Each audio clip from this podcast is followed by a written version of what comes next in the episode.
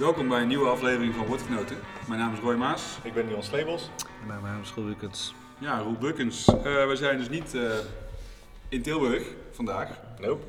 maar we zijn in Breda. in Ja, de welkom. eh, Ja, nice. Frontaal. Ja, leuk te hebben man. Ja, nou, leuk dat wij hier mochten komen.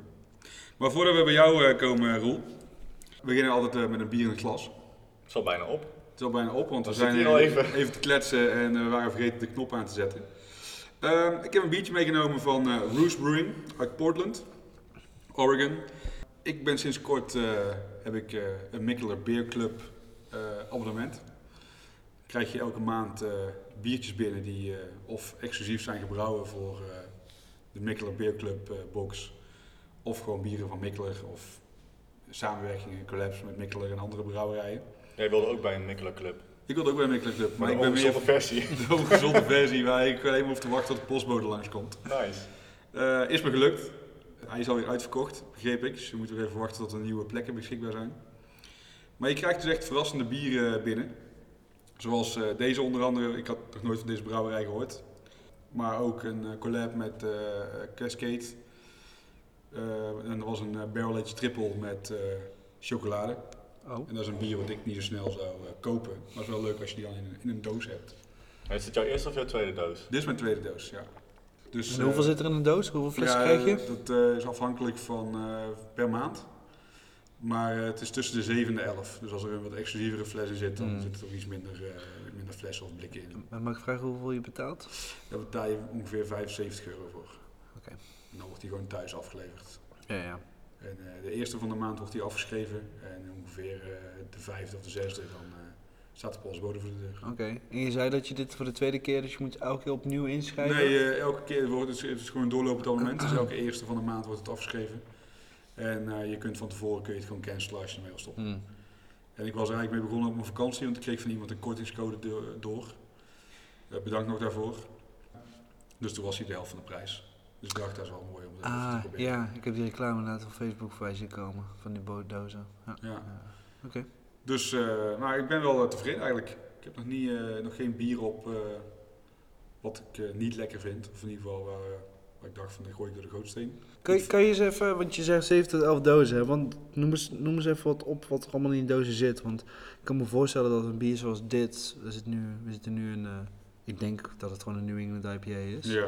Dus het, moet, het, is, het moet redelijk vers zijn. Ik Ja. neem aan dat ze land, wereldwijd verschepen. Eh, ja, nou goed, dit komt dan gewoon eh, inderdaad uit Amerika en wordt het eerst dus naar eh, Kopenhagen gestuurd. Mm. En daar wordt het dan vervolgens in een doos gedaan. Ja, exact. Er zaten twee blikken bij, van, in ieder geval de laatste box zaten twee blik- blikken bij van Mikkeler San Diego. Er zat een IPA bij van een Canadese brouw- brouwerij. Mhm. Er zat een sour in, een grote fles van Sourstellers uit Ja. eh, Amerika. Mhm. Ik had er nog niet eerder van gehoord. Eh eens kijken, wat zat er nou meer in? Nog twee eh Mikkelers, eh, twee Berliner Weisses. Mhm. Gewoon even één spontaan en één Berliner Weisse.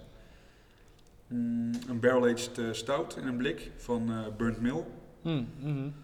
Eh, ook speciaal geblend voor, eh, voor de doos. En volgens mij was daar het... En had een pet bij deze keer, een hele lelijke pet. Oké.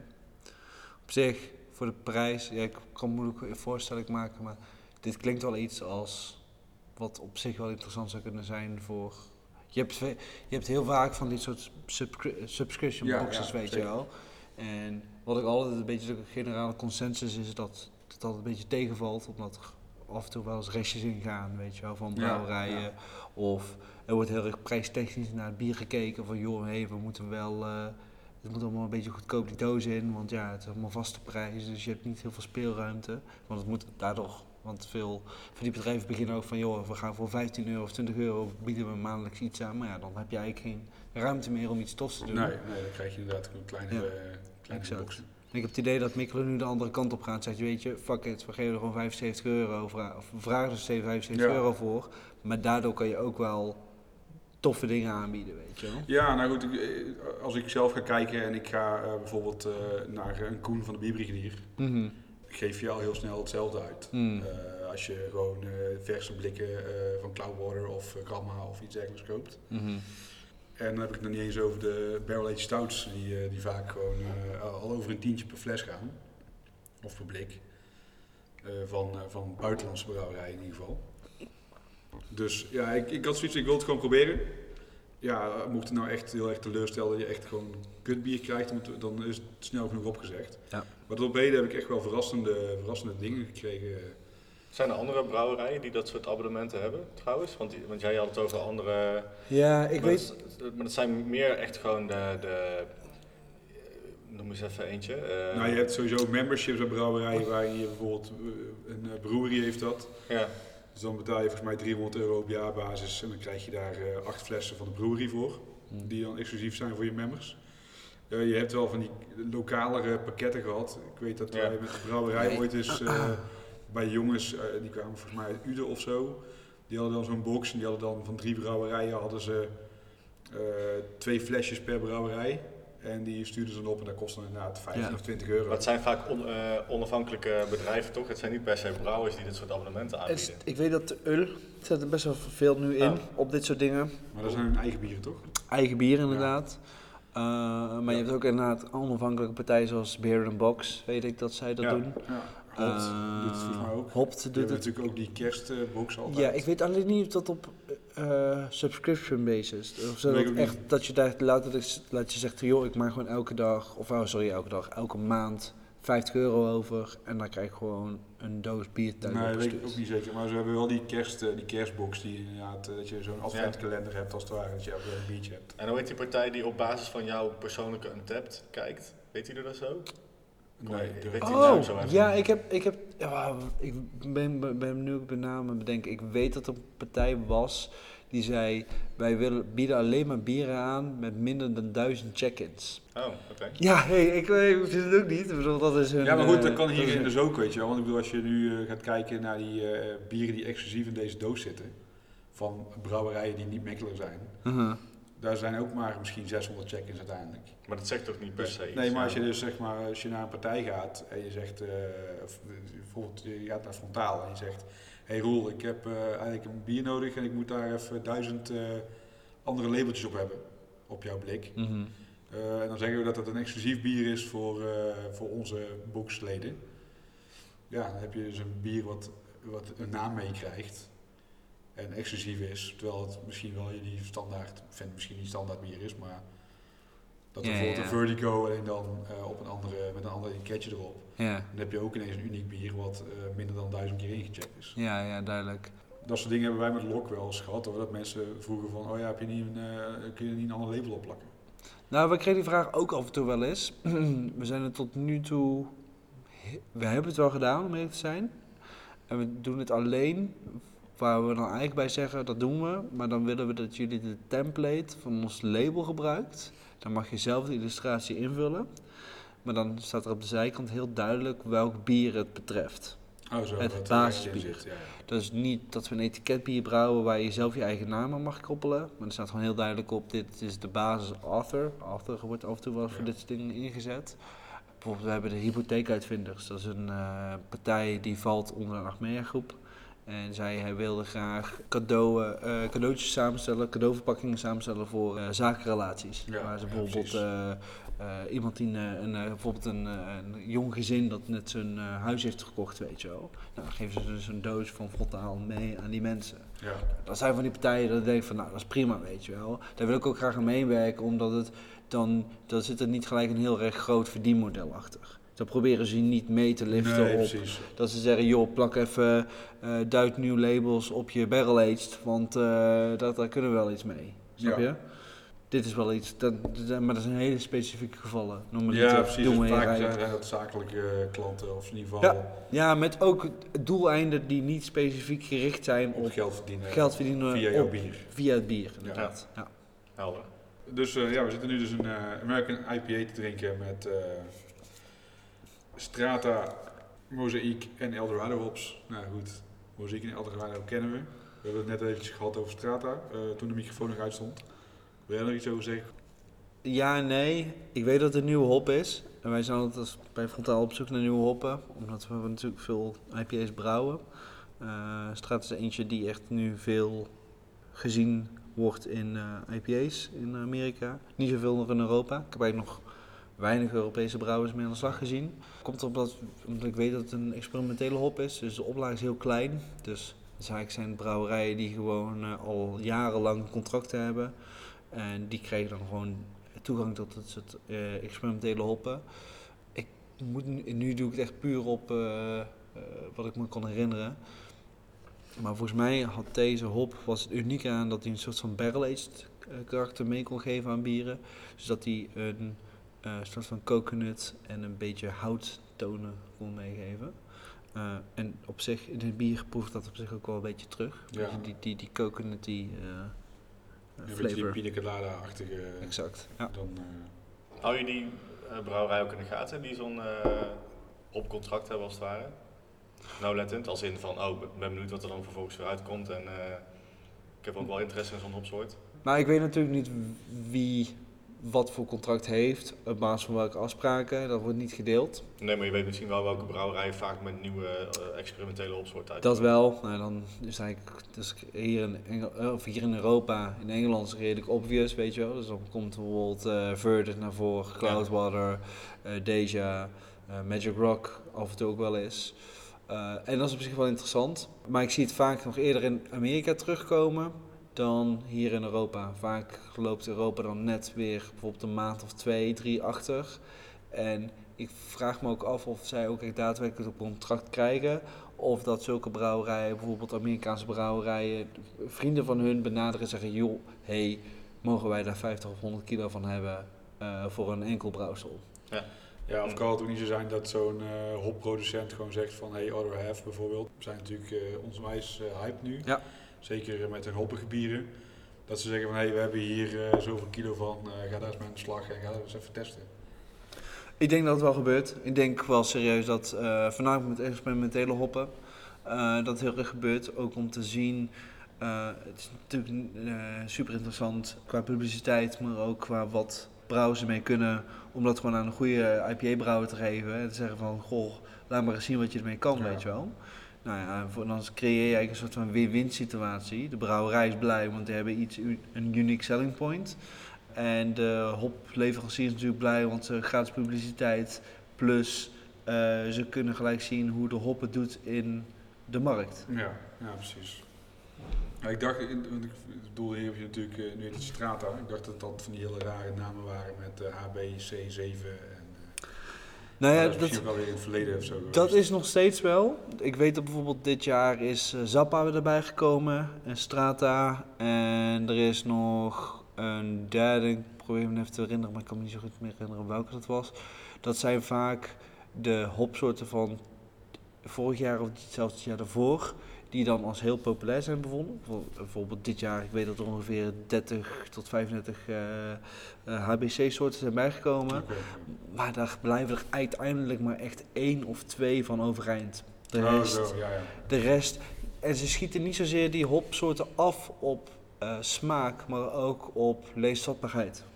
Vaak die boeren moeten ook gewoon het kunnen overleven van dat de hop goed te kweken valt. ja. Ze hebben natuurlijk maar zoveel hectare aan eh, grond die ze kunnen eh, volzetten met hop. Dus als jij de keuze mag hebben tussen een hop die gewoon als een dolle draait en groeit, een Citra, een Mozaïek, een Eldorado, een, eh, Ja, noem maar op. Ja, de- de- de- En daar kan je zoveel pounds van een acre afhalen. Of je krijgt de keus, ga maar een experimentele hop, maar we weten niet zeker of die hij populair Ja. is en of hij groeit. Ja, dan snap ik boeren wel dat ze zeggen, joh, we blijven lekker bij het oude. Maar Ja. er zijn ook gelukkig ook genoeg boeren die zeggen, joh, wij zien ook wel heil in om de markt voor te brengen. En juist ook wel dat soort eh, experimentele hoppen een kans te geven en daar een paar honderd kilo tot duizend kilo van, van te maken, weet je wel. Ja. ja, goed, ik heb zelf natuurlijk hop in mijn tuin staan. En in het eerste jaar gaf hij heel veel. En de jaren daarna zag je dat het meteen afnam. Ja, dat weet ik niet. Dat, Ik, kan, en dat kan natuurlijk ook zijn met, met zo'n nieuwe hop. Weet je denk je van het eerste jaar van, oh, geeft heel veel eh, bloemen. Ja. En vervolgens doet hij eh, doet hij de seizoenen daarna helemaal niks. ik, ben hop, ik ben geen hopboer, dus Nee? ik zou niet weten hoe... was meer van eh, de lol eigenlijk dat er in de tuin staat. Beetje groen in de tuin. Beetje goed in de tijd. Ja, het groeit wel goed. Ja, het groeit heel hard. Ik heb even opgezocht Oh, Oh. god. op Google. Ja, En en, toen kwam je bij die hardloop fiets app. Nee, dat is Strava. Oh. Ah. Dat is wel weer een connectie met Mikkelen. Maar ehm, nee, het is eh, wat ze hier beschrijven als eh, passion fruit meets pot. Pot als in wiet. Ah, Ah, nou, nee. Daar haal je wel weer niet uit. Ja, dat, dat zijn wel de smaak, is het smaakprofiel, Ja, zeggen ze. Leuk. Ja, mango, eh, meloen, eh verse aardbeien. Dus een beetje Eldorado gemixt met... Mozaïek dan. Ja, Mozaïek is mozaïek. Ja, als je goed. Denk ik. Ja. Ja. Oké, nou, interessant. ja. Eh, Dus- dit mag alles leeg, dus ik heb geen idee of het echt zo was. Nee, wij alle drie niet volgens mij. Nee, ja, het was in ieder geval wel fruitig, maar dat is al, denk ik al snel. Ja, Dat maar goed, is, ja, met die mozaïek en die Eldorado erin natuurlijk sowieso. Ja. Nou goed, tot zover eh, bier in het glas. Het glas is leeg. Tijd voor meer bier. Tijd voor meer bier. Ga jij iets uit de tank eh, pakken, Rob? Ik ga iets uit de tank halen, ja. Nou, dan zetten wij hem even op pauze en dan komen we zo weer terug. Nou, fantastisch. Zie je zo.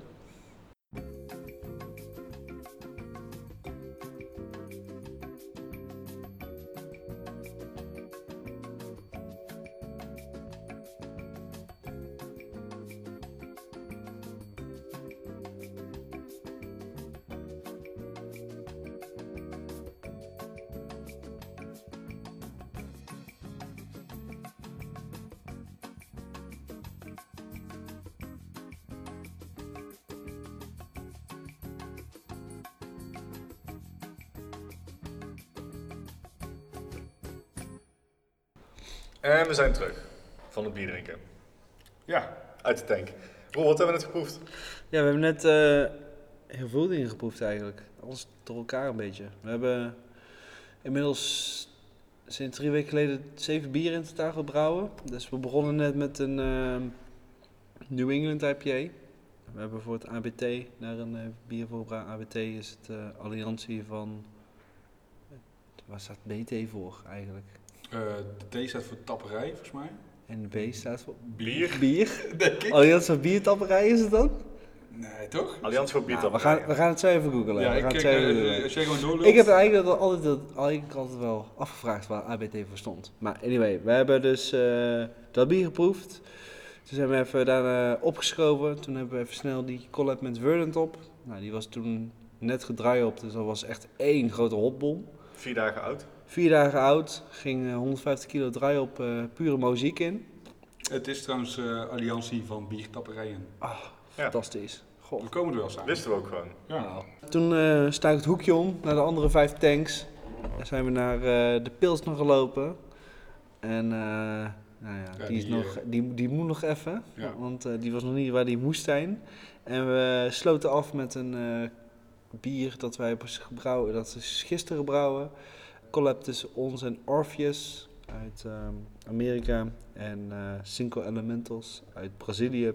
Is een uh, moddervette, dikke Imperial Stout. Zeven uur lang gekookt. Gaat op 11% uitkomen. Op houten vaten nog liggen. En er gaat nog eh cacao nips, tonka beans en vanille, denk ik. Dat is nog niet helemaal zeker, maar die andere twee wel. Dus eh, we gaan het zien. Oké, Ja. klinkt, eh, klinkt eh, veelbelovend. Dus voor ons nog wat. Ja. Dus niet alleen druk met brouwen, maar ook druk met, met gewoon eh, het, het onderhouden van contact met andere brouwerijen. Ja, ja, we doen natuurlijk veel, redelijk veel samenwerkingen. Nou, we hebben net ons festival eh, erop zitten. En dan doen we altijd veel collabs. eh, omdat natuurlijk heel veel brouwerijen natuurlijk over vloer hebben. Dus een uitgelezen moment. Dus we hebben met Cinco Elementos en Orpheus gebrouwen. We hebben met Verdant gebrouwen. We hebben met de Piggy en Horizons uit eh, Hongarije. En daar hebben wij een Red Currant Double IPA mee gedaan. Dus ja, en op het programma staan nog echt heel veel collabs. Voor de, we zitten eigenlijk tot met februari volgend jaar zitten we eigenlijk vol met collabs. We proberen, onze filosofie is dat we één collab per maand doen. eh, hier in de brouwerij zelf. We hebben natuurlijk 10 tanks, dus we, we kunnen redelijk wat kwijt. En we doen eigenlijk collabs voornamelijk omdat we het nog steeds super interessant vinden hoe andere brouwerijen tegen andere bieren kijken. Eh, en dan is bijvoorbeeld een Cinco Elements voor, mij, voor ons en voor mij is ook heel erg een super interessant brouwerij om mee te werken. Omdat zij uit een. Zij komen natuurlijk uit Brazilië. Dus je ziet sowieso niet heel veel bieren uit Zuid-Amerika. Ja. En dan daarbovenop zie je nog minder bieren ook van zulke kwaliteit voorbij komen. En ze zijn relatief klein. Ze brouwen op eh, 500 liter installatie per, per keer. Dus dat is echt niks. Eh, maar de bieren die eruit komen is echt, dat is echt geniaal. Echt denderend goed. Ja, ja, ik, was Dus er, eh, eh, ja. ik was er van onder de indruk Ja. afgelopen zaterdag. ja, en ik was er des te meer van onder de indruk dat ze dat, die kwaliteit kunnen bieden op zo'n kleine installatie. Dus ja, en daarbovenop ook nog eens echt een hele aardige vent. Super enthousiast over alles. Heel erg, eh, wil heel erg graag de informatie delen. Uh, ouwe hoed over van alles nog wat. Ja. Maar wat leer je nou concreet van zo'n Braziliaanse brouwer? Nou, het is de eerste keer bijvoorbeeld dat wij op deze installatie van ons een eh, double mash doen. Dus we maïsen twee keer in om tot één kook te komen. Eh, dat betekent dat je dus, ja, heel, dit, wordt, dit wordt heel snel technisch, hè? dus eh, ik hoop dat de mensen hier het een beetje eh, kunnen volgen. Maar wat we eigenlijk doen is we maïsen twee keer in en we gaan vervolgens naar de filterkuip en we filteren dan eigenlijk eh, alleen de, ehm, de eh, het, het, wort dat eh, gebruikt is tijdens het maïsen. Dus we, eh we spargen niet, we, we, spoelen het niet, we spoelen het niet nog een keer na. En welk doel heeft dat? Want misschien is dat het interessant voor mensen. Ja, het doel daar, product. ja, dus het doel daarvan is, is dat je als je gaat spoelen, dan verwater je uiteindelijk je product. Natuurlijk niet zo erg dat je, dat je echt alleen maar met water opnieuw de ketel in gaat. Je haalt wel suikers eruit. eh, maar natuurlijk al in veel mindere mate dan dat je het niet zou doen. Dus de reden daarvoor is dat we dus eigenlijk minder volume halen, maar daardoor zo'n hoge suikergehalte kunnen behalen in onze wort, dat we dus eigenlijk eh, het gewoon laten eh, leeglopen, dumpen en opnieuw eigenlijk eh in maïsen. En opnieuw dan op die manier twee keer Ja. het beginproces herhalen. En dan uiteindelijk komen we dan met hetzelfde hoeveelheid in de kookketel terecht. Want anders zouden namelijk alle bieren rond de 10, 15 procent zijn. En dat wil je ook niet. Nou, misschien ook wel. Ligt eraan eh Ja, of als dat je- je doel is. Als Maar je de nee. bent, dan wel. Maar Ja, Nou, dat is 10 laag. ja, precies. Ja, want dat, want dat, eh, dat, dat zoveel keer mash is wel iets Amerikaans. Niet alleen Zuid-Amerikaans, toch? Nee, ehm, ik, ik, ik, ik, durf eigenlijk niet te spreken voor eh, of in Europa dat vaak gebe- gebeurt. Wij de, ik weet vanuit onze eigen ervaring, wij doen het eigenlijk bijna nooit. Eh het is een van de eerste keer dat ik het deed, dus voor ons was het ook echt best wel even aftasten van hey, hoe kan je dit het makkelijkste aanpakken en ook qua tijd, efficiëntie, hoe ga je hier zo snel mogelijk doorheen. Dus zij hadden daar heel veel tips en tricks voor. En dat was best wel interessant om daarvan te leren. Zij passen dezelfde technieken toe, maar dan op veel kleinere schaal. Maar dat is ook gewoon relevant voor ons op een grotere schaal, zou ik maar zeggen. Ja, maar wat natuurlijk ook is als je dubbel mais doet, is je rendement gewoon lager. Ja. Want je haalt minder suikers uit, eh, meer, uit twee keer zoveel mout.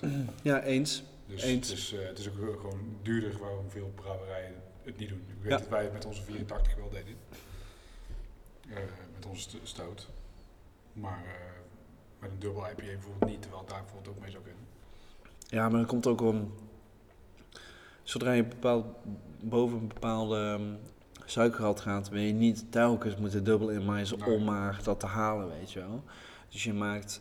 Ik denk dat heel veel brouwerijen de keuze maken voor een dubbel mash alleen wanneer ze bijvoorbeeld een barley wine of een imperial stout brouwen. Ja.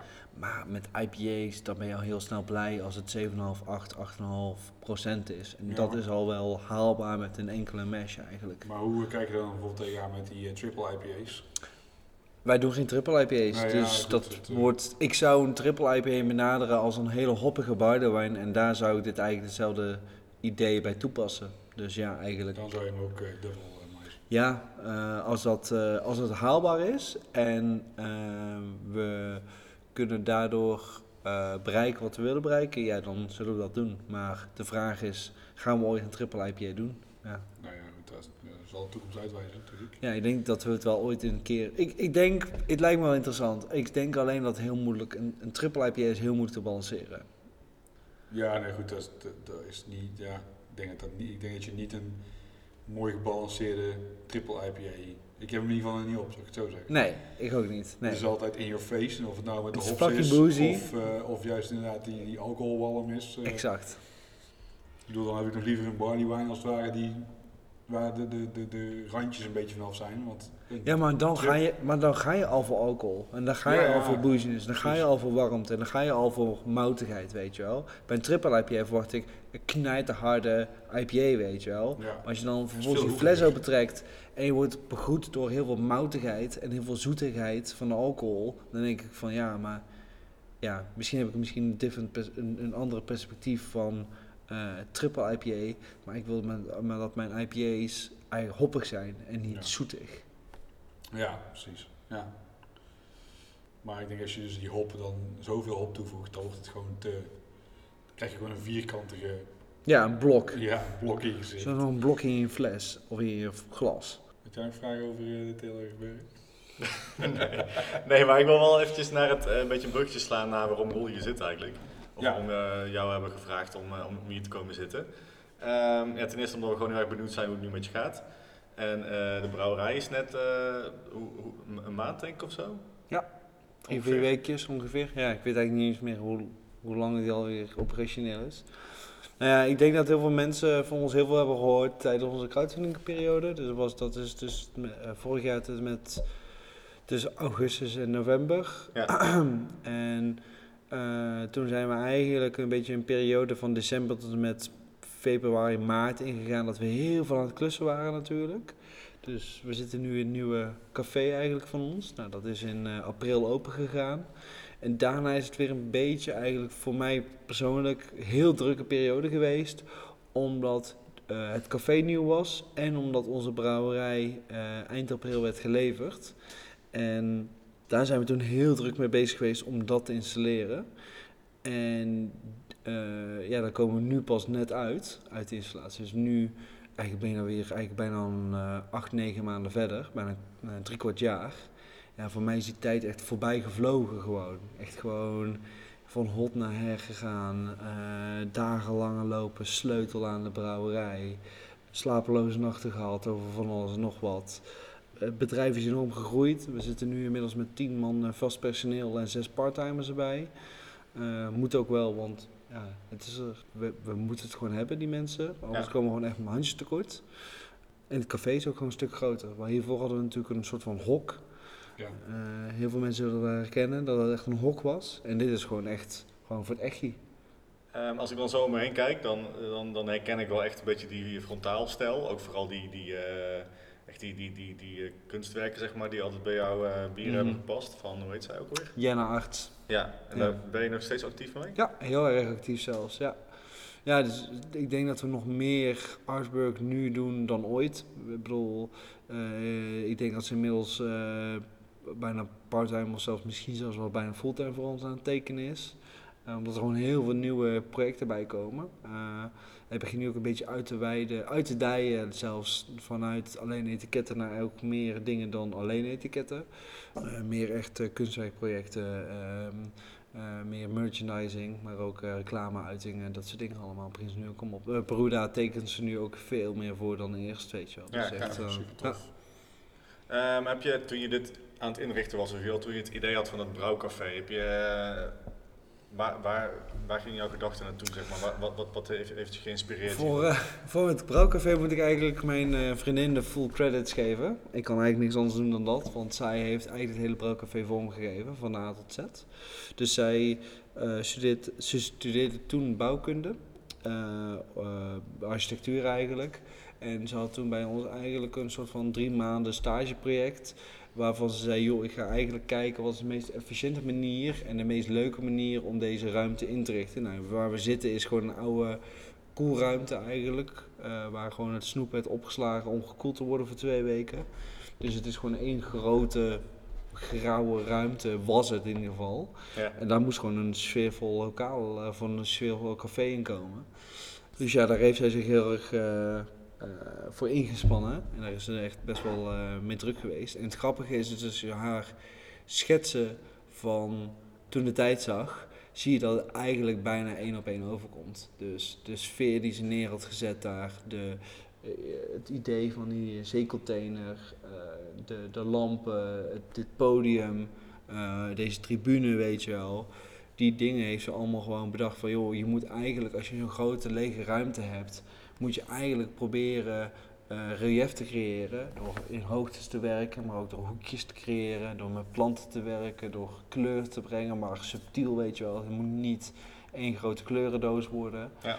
Ja, op die manier eh, gewoon goed nadenken. Goed En, gelukt. eh, ja, ik ben er Ja. heel tevreden over. Ik Ja. denk oprecht, en dat is misschien een beetje op mezelf op mijn eigen schouder kloppen. Ik denk dat dit echt een café is waar ik zelf heel graag naartoe zou willen gaan. Omdat ik, ik voel mezelf gewoon hier erg thuis. Weet je wel. Als ik hier binnenkom, denk ik echt van, ja, dit is echt iets waar ik heel graag in een andere stad of een ander land ook graag op hun eigen manier natuurlijk. Het hoeft geen kopie te zijn, maar op een eigen manier met eigen sfeertje ook binnen zou willen lopen. Ja. En denken van, ja, dit is vet, weet je wel. Dit is, hier hebben mensen over nagedacht en eh, ja, alles eromheen klopt gewoon. En jouw tapwand is eigenlijk eh, de oude, is dat, is dat de oude zeecontainer waar- die je had staan? Helaas niet, dus ik, moet, ik moet je daarin eh, helaas teleurstellen. Het heeft meerdere redenen. De eerste is eigenlijk tijd, want we hadden eigenlijk gewoon geen tijd om die onze oude zeecontainer op te sturen, te laten spuiten, schoon te maken en terug te laten komen. Eh, de tweede reden is, is dat deze een stuk nieuwer is, dus de eh, motor houdt het gewoon een stuk langer uit en is ook een stuk stiller dan de eerste die we hadden staan eigenlijk. Ehm, en deze hadden ze al op voorraad, dus ja, voor de luisteraars, je ziet het niet zien, maar ik zal het beschrijven wat wij hebben. is een hele grote rode eh, geïsoleerde zeecontainer, een reefer eigenlijk. Eh 20 voeter, dus een 6 meter lange, met 31 eh, kranen erin. Met, en een deur. En daar op die, op die zeecontainer zit er gewoon eh, ja, de, de, de, de taphand ingebouwd. Ja, kan het Ja. moeilijk anders eh, Ja. beschrijven. Ja. Maar dat is dan alweer een stukje herkenning van, eh, van eerst. Zeg Ja, maar. nou ja, eigenlijk wel. Want wij brouwen hiervoor natuurlijk ook in zeecontainers. Het grappige is, achterin in onze brouwerij staan ook die zeecontainers. Ook met onze oude, oude brouwerij erin. Dus de eerste wordt nu heringericht voor een laboratorium. De tweede dient wederom als opslag voor eh, gereedschap en eh, van alles en nog wat. Eh, maar ik vind het concept van zeecontainers vind ik gewoon, gewoon geniaal en ook gewoon heel goed bij ons passen. Ja. Het, is, het, het werkt gewoon heel goed voor ons. Wat ik me afvroeg, hè, je bent dan best wel, ook wat je zei, best wel gegroeid in, ook met personeel en dergelijke. Hoe kun je je nog zo zeg maar de rolstempel drukken op frontaal? Of, of ben je mee overgegaan naar, dat wil ik niet meer zo en ik ben nu een team en, ik, eh, en, we zijn frontaal? Nou, ik denk dat ik die transitie ongeveer een jaar geleden heb gehad. Dat we, eh, nou eigenlijk bijna twee jaar geleden, dat we ben een beetje van ik-vorm naar een wij-vorm zijn gegaan. Heel, zo heel soms ehm, had ik bijvoorbeeld een gesprek met mensen en dan begon ik het gesprek met van, we zijn in 2015 begonnen met frontaal. En zeiden ze, wie is wij? En dan zeg ik, ja, ik. Maar, zei ze, maar waarom zeg je dan wij? Ik zeg, ja, maar ik ben misschien wel frontaal begonnen, maar er zijn heel veel mensen om mij heen eh, die ik nu dan niet kan, eh, of nu niet benoem. Maar er zijn heel veel vrienden, familie, kennissen, eh, noem maar op, die eigenlijk mee hebben geholpen aan het succes van Frontaal, weet je wel. En dat zijn gewoon mensen die gewoon een eh, Frontale warm hart toedragen. Dus ik heb Frontaal eigenlijk nooit echt in ik-vorm gezien, omdat ik denk dat Frontaal iets is wat ook boven mij staat. Ik bedoel, eh, ik ben misschien frontaal gestart, maar ik ben niet de enige die frontaal momenteel eh, echt aan het groot, eh, groot maken ben. Is. Weet je, het was eerst een soort van baby Ja. die erg Ja. verzorgd moest worden, weet je wel, en gevoed moest worden. En nu is het een soort van puber die eigenlijk een beetje in de goede banen gestuurd moet worden. En Naar volwassenheid. naar volwassenheid, weet je wel. Dat is een beetje hoe, hoe ik frontaal momenteel zie. Ja, dat is een goede metafoor. Ja, ja weet je, het, is, het is inmiddels wel groot genoeg om te zeggen van nou, het is wel zo- zo'n soort van zo'n babyfase ontgroeid, maar het is nog niet een jong volwassene die eh, op kamers kan gaan wonen. Nee, precies. Maar zonder uit het oog te verliezen misschien eh, voor wat jij misschien vond waar het voor stond of niet op staat. Ehm, ja en nee. Eh, ik heb natuurlijk een hele eigen, eigen visie. En die, Ja. die druk nog steeds, natuurlijk gewoon, eh, ik druk nog steeds een enorme stempel op frontaal. Maar ik ben me nu ook al een beetje aan het openstellen dat mijn personeelsbestand en ook eh, mensen van buitenaf, bijvoorbeeld adviseurs, mensen die gewoon al sinds de geboorte van frontaal, zou ik maar zeggen, eh, erbij staan, meehelpen met het sturen van oké, dit gaan we doen, weet je wel. Maar uiteindelijk ben ik de eindverantwoordelijke en maak ik de beslissingen en zeg ik dit is wat we uiteindelijk echt gaan doen. Maar eh, als je op een gegeven moment heel veel mensen voor je hebt werken, die mensen moeten ook daarin geloven, weet je wel. Dus je gaat van ik geloof erin naar een wij geloven erin. En op dat, het enige om dat te doen is dat iedereen daar ook daadwerkelijk echt in gelooft. En voor gaan. En voor wil gaan en daarvoor wil werken. En elke dag om 9 uur, netjes op tijd. Nee, no offense, maar netjes op tijd. Gewoon binnenkomt met veel plezier en denkt van fuck it, ik ga het gewoon vandaag weer doen. Weet je wel. We gaan Ja. gewoon weer een stapje zetten en deze dingen doen. Om het verder te brengen. Dat is mooi. Ja. En eh, qua ambities? wat, eh, Eh, wat mis je nu nog nou, ik ben? Het grappige is, ik ben nu wel even heel, heel, heel, heel even voorzien van ambities. Want ik vind de redelijke dingen die we nu even doen ook best wel uitdagend. Eh, en ik heb best wel echt heel veel lol in wat ik nu momenteel doe. Ehm, maar ik, raak me, ik ben ook heel snel, serieus heel snel verveeld. Dus ik hoef maar vijf keer te denken van nou, nu is het wel leuk geweest, tijd voor iets nieuws. Dus er zitten al dingen in mijn hoofd, daar ga ik nu niks over zeggen. Maar er zitten natuurlijk al dingen in mijn hoofd. Dat ik van ja, weet je, dit gaat over jaren fucking beuken worden weer. Want die gaan we gewoon. Dit, dit ga, ik weet dat dit uiteindelijk me gaat vervelen. Ik heb een continue uitdaging nodig om mezelf bezig te houden. En als ik dit, dit wil ik niet de komende tien jaar doen, snap je? Ik wil graag naar het uitbreiden en, en, en, en, en ehm, bijvoorbeeld meer horeca of een eh, tweede grotere brouwerij of eh, een, eh, een schoenenmerk. Ik, ik roep maar wat, weet je wel. Gewoon uitdagingen, gewoon dingen, dingen creëren, dingen maken, weet je wel. Dat, dat soort dingen vind, ik vet. Ja, dus we zijn sowieso voorlopig nog niet eh, Nee, je bent lang, je bent je lang niet van me af. Nee, Ja, nog lang niet. Nog lang niet. dat je gaat rentenieren of zo. eh. Nee, fuck af. Godverdomme, joh. nee. Ik kan lekker werken, man. Precies. Nou, mooi. Hey, we zijn stiekem eigenlijk al een klein beetje begonnen, of niet, met die bullshit? Ja, eh, die fles is eh, al aangebroken, maar ik ga hem nog verder even uitschenken. Zeker. Ehm, ik denk niet dat, ja, ik heb dus iets meegenomen ehm, van Antidote.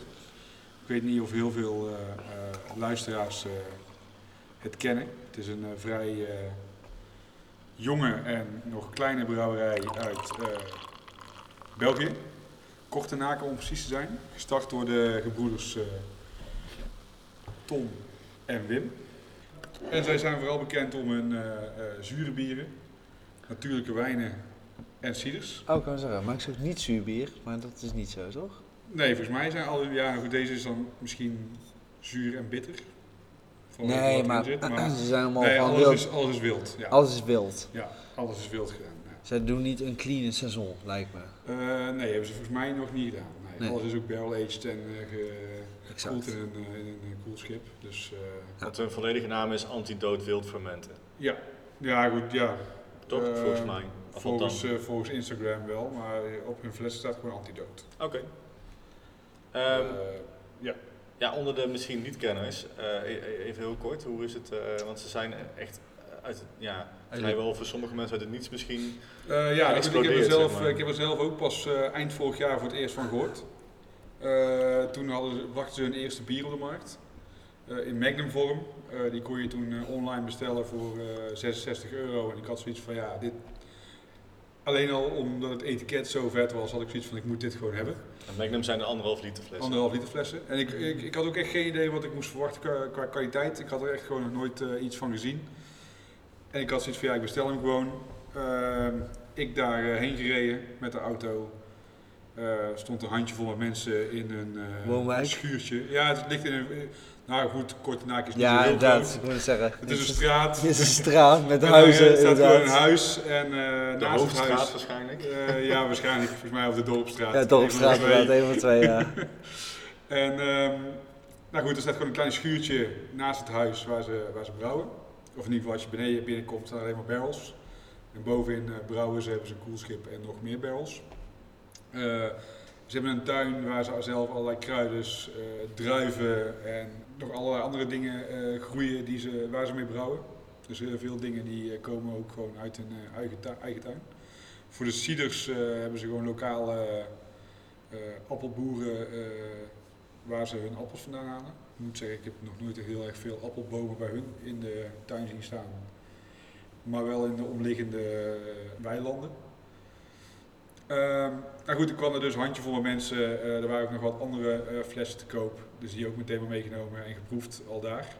Ja, ik was gewoon meteen verkocht. Het is gewoon... het was, ik vind het gewoon onwijs lekker en ik vind het heel tof dat die jongens Mm. vol passie daar staan. echt iets aan het opbouwen zijn.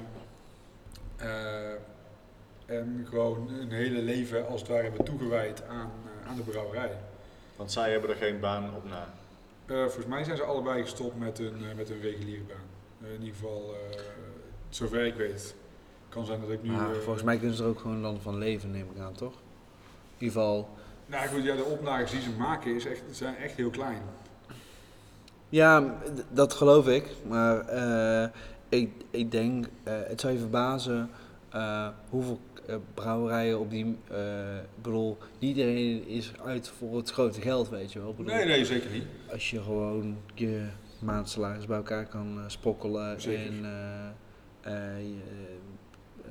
hoe zeg ik het? leuk bier kan brouwen en je hebt geen enorme groeiambities, dan is dat snel prima, weet je wel. Dan kan je Ja, altijd ja. En ik denk dat, dat, veel men, dat veel mensen dat ook niet realiseren. Niet iedereen, ik denk dat, en dat kan ik ook heel erg waarderen aan Antidote. Ik krijg altijd het gevoel bij ze dat ze heel erg de insteek hebben dat ze zeggen: eh, we doen wat we graag willen doen, en dat is mooie bieren maken. Ja. Eh, maar we, letten, we kijken niet echt naar van oh, we moeten zo snel mogelijk eh, naar 150, 200 vaten toe of zo, weet je wel. Om maar zoveel mogelijk product naar, binnen, naar buiten te kunnen duwen. Nou ja, goed, hebben zij sowieso het probleem dat ze die ruimte ook gewoon niet hebben natuurlijk. Eens, maar ze zouden eventueel een opslagruimte opslag kunnen, kunnen huren. Ja. kunnen Ja, huren. klopt. en bijvoorbeeld, ik weet dat een andere populaire blender in eh, België dat wel heeft gedaan, bijvoorbeeld. Door een tweede Ja, ruimte ja. te huren en daar te zeggen, joh, daar zetten we gewoon heel veel grote nieuwe vaten bij, weet je wel. Ja, maar goed, daar plukt hij, nu ook zijn vruchten van. Ja, nee, eens. Dat, dat, Dus, dat eh, is ook zo. eh, Maar dat is dus, er is dus, ik, en dat, dat vind ik dus van Antidote. Ik vind het gewoon heel, heel hele, hele toffe lui volgens Ja. mij. Die gewoon echt gewoon Ja, lekker hun eigen ding doen. En, eh, en dat daar gewoon heel succesvol uiteindelijk mee zijn. En dat is eigenlijk gewoon, gewoon top. Nou goed, ik denk dat eh, hun, hun succes hun eh, eigenlijk voorbij is gestegen. Want ze hadden eh, tijdens Tour de Geuze hadden zij een release van een aantal bieren. Daar komt deze overigens ook vandaan. Waren ze twee eigenlijk zouden ze drie dagen open zijn. Dat is teruggekort naar twee dagen. Omdat er een, denk een rij van eh, 300 man voor de deur stond. En dat ze echt zoiets hadden van, kut. Maar dit was niet, dit, hier zijn we niet voor begonnen, weet je wel. Voor de mensen die daar de flessen kopen en het vervolgens voor veel geld weer eh, door, eh, doorverkopen. Eh, dus dat is zeg maar een soort van negatieve keerzijde van, van antidote. Eh, of in ieder geval voor de brouwers zelf. Die stoppen daar heel veel geld en heel veel liefde en heel veel tijd in. Flessen koop je voor 17 euro. Ik vind daar heel weinig geld. Hm. eh, persoonlijk. Voor iets waar je... Deze heeft dan een, jaar eh, gerijpt en is vervolgens... zijn er dus die bloemen, eh absintbloemen bij, eh, bijgestopt en is het eh, op fles gegaan en heeft het nog vier maanden gelegen voor het überhaupt verkocht werd. Dus ja, vind ik, zo'n fles mag voor mij wel 25 euro kosten. Mhm. Of misschien zelfs ook wel meer, weet je wel. Het ligt er maar net. Maar ja. goed, het ligt er inderdaad aan hoe, hoe valt precies. En vervolgens gaan die flessen voor veel meer geld weg. Ja. En daarom hebben zij nu ook gewoon een beetje de handrem erop gegooid. Zo van, ja luister, wij eh, kiezen zelf de momenten waarop wij onze flessen willen verkopen. En dat kan zijn eh, misschien alleen, alleen in de horeca. En ze doen het nu ook via Etre Gourmet, eh, de Belgische website. Ik was, of ik ben een van de gelukkigen die van begin af aan is ingestapt en een eh, vat geadopteerd heeft bij hen. Hm. Waardoor ik dus op uitnodiging daar eh, terecht kan. Ja, ja. En daar ben ik heel blij mee, want op die manier kan ik, hoef ik niet eh, constant achter mijn computer te zitten om eh fles te op een fles bier te Ja, ko- ja. kunnen kopen. Wat, wat, wat houdt het precies in? Je adopteert een, een vat daar? Een vat, ja, ik heb een vat geadopteerd voor een eh, x-bedrag en eh, daarmee kreeg ik een, eh, een magnum van, een, van een bier. En wanneer het bier klaar is, dit, die magnum was van een bier wat al af was. En als het bier wat, waar mijn naam op staat af is, krijg ik daar eh 4, 5, 6 centiliter flessen van. Dus ja, ik vond dat super tof. Sowieso om die jongens eh, een warm hart toe te dragen en eh, te kunnen sponsoren daarin. Ja, dan gaaf idee dat je ook het gevoel hebt, deels eigenaar of in ieder geval, Ja, goed, de laatste keer dat ik er Eh, was, eh, toen ja. stond mijn naam dus op een, op een ja, eh, oud wijnvat, of in ieder geval op een, op een houten vat. dat is wel tof. Ja. Dat tof en dat is gewoon tof en dan is het gewoon inderdaad wachten tot het bier klaar is. Ja. Nou goed, ja, Tom zei ook wel, ja, het kan over een half jaar klaar zijn, het kan over twee jaar klaar zijn. En, en je had gewoon een volledige 200 neem maar een rode wijnvaat zijn het 225 liter. Of, Nee, nee, deel krijgt je dat- vier, eh, vier glazen en de rest gaat, wordt dan eh, door hen verkocht. ja, duidelijk. Dus eh, je krijgt gewoon uit het vat krijg je dus vier, krijg je dus drie liter bier. En de rest is gewoon voor de verkoop. Ja. Duidelijk, duidelijk. Maar goed, ja, daar doe ik ben al lang blij dat ik dan vier van die flessen daarvoor Ja. terugkrijg. En als ze me zouden vragen of ik nog een keer zo'n investering zou willen doen, dan zou ik direct ja zeggen. Want op zo'n manier ben je, blijf je gewoon verbonden aan zo'n eh, aan zo'n brouwerij. En goed, ja, kun je best gewoon wel- zien wat zij, wat zij nog meer gaan doen en wat ze nog meer gaan maken. Ja, sorry dat ik je onderbrak. Best wel in ieder geval, dus het is een, ze zijn uit het niets best wel op, weet je ook. eh, Ja, ja, het was echt een hele zeg grote eh, hype rondom, eh, rondom hun. Zeg En maar. als de vraag nu, Is het het waard? is het het waard? Ja, nou Wat goed. vinden we ervan? Ja, ik had deze alle keer op. Dus jullie mogen voor mij eh, Nou, eerst. ik zal er iets over zeggen. Ik vind op zich, ik, ik vind het heel mooi bier, omdat het, fuck, hoe zeg ik het? Ik vind het gewoon een bier. Ik, ik drink het gewoon eh, met heel veel plezier eigenlijk. Het is zuur, maar het is niet heel erg zuur. Dus de pH is niet zodanig laag dat ik echt, dat ik echt begin, dat het begint te branden, Ja. weet je wel. Dus het is nog een soort van sessionable. Dus is, dat je denkt van, oh, het is gewoon fris zuur, weet je wel, goed drinkbaar. Maar er zit verrassend veel diepgang in. Dus ik heb wel het idee dat als ik een slok neem, dat ik denk van, oh, ik proef wel iets, telkens iets, een soort van klein nuance, iets nieuws, weet Ja. je wel. En dat is wat eigenlijk voor mij een bier altijd heel goed maakt. Dat ik eigenlijk tijdens een soort van korte 15 minuten dat ik een bier drink, dat ik eigenlijk constant een beetje geprikkeld word van, oh, hey, dit proef ik, dit proef ik. Het is niet dat ik echt gewoon heel erg op gefocust ben, weet je wel. Dat ik denk van, oh echt, oh nu proef ik de paardenbloem en nu proef ik eh, een beetje viooltjes, nu proef ik... Maar het is wel dat je, dat je het gewoon een soort van onderbewust opmerkt en je Ja. denkt van, oh, het is niet in your face, knijterhard eh iets, maar het is gewoon mooi, in mooi in balans. En dat is eigenlijk wat ik tot nu toe met heel veel bieren van Antidote heb gehad. Het is echt gewoon echt, ja, gewoon echt heel goed. Gewoon echt, echt mooie, uitgebalanceerde bieren. Ja. Eh, rating op wat van, van wat van wat? Gewoon zoals je voor vroeger bij een. Wij doen altijd iets, eh, iets geks. We geven het eh, drie eh, van iets bijvoorbeeld. Uit Ik- de vijf vaak. Ja. Ik zou, vijf, eh, ja. iets uit de 5. Ik zou dit echt, ik zou dit een 4 of misschien 4,25 geven. Eh, ik heb, eh, ik heb, ik heb nog, nog betere bieren dan dit op. Omdat ze nog, nog complexer of nog gebalanceerder of nog interessanter waren dan dit. Eh, maar ik denk dat het echt wel eh, in de afgelopen maand een van de meest meer interessantere bieren op heb. Eh, ja, misschien mijn broeder is een beetje moeilijk, maar deze maand, maar Ja. vooruit. Maar ik denk dat een van de meer interessantere zure bieren ik op heb die deze, deze maand. Ja, absoluut. Ja.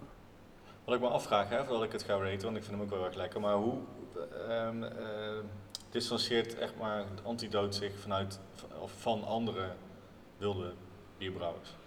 Wat, wat maakt hen dan net iets anders? Ik denk dat het een beetje een nieuwe garde is. Dus Ja. eh, je hebt natuurlijk een Belgische, je hebt natuurlijk een Belgische, eh, heel erg Belgische traditie. Dus je hebt dan Ja. de Lambieke geustekerijen die gewoon echt heel erg, gewoon echt zo van, dit is wat we doen en niets Ja. anders. Nou, ja, Want voor de duidelijkheid, dit is geen geuze. nee, dus dit is gewoon een, Dus een wild, ja, een sour.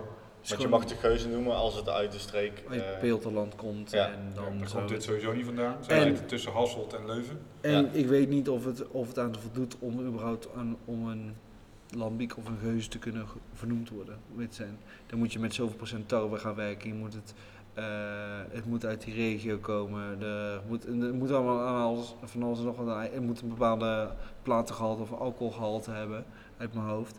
Ja, ja, zeker. Maar ja, het is dus eh, geen uh, geuze of lambiek. Het is echt een, een wild vergist, gewoon een wild Ja. als het ware. Ja, ik vind, Jij ik, ik ging reten. Ja, ik weet het. Nee, nee, nee, zeker. zeker. Ik, vind het, ik vind het echt super lekker. Ik, ik ben hier veel meer van, gaan- van gaan houden. Ik, ik heb hier nooit echt heel erg een weerstand voor gehad, inderdaad. Of eigenlijk. Eh, want we hebben het al in het verleden al een keer over IPA's gehad. Hè, dat je dat voor de eerste keer proeft en dat je best wel een beetje schrok van zo'n bitterheid. Eh, maar ik heb altijd al een beetje wel een voorliefde gehad voor. eh, ja, dat klinkt stom, maar dat begint bij augurk. Wat je als kind eet, zeg maar. Vond ik dat al super lekker. Ja. En, en eh, zuur gefermenteerd, zeg maar. Dus ik vind het echt heel erg lekker. En eh, hij, is, hij is wat zachter inderdaad dan vooral bijvoorbeeld een Drie Fonteinen. Die vind ik vaak best wel hard binnenkomen. Dan vind ik Cantillon wat, wat eh, voor, voor mijn smaak dan wat, eh, wat ronder en wat Mm. zachter, zeg maar.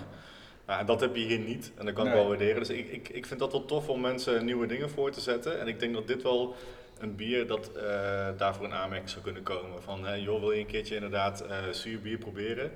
Ik noem het niet vaak zuurbier, want dat klinkt eh, niet zo aantrekkelijk. Meestal gewoon wild bier en dan zet ik ze dit voor.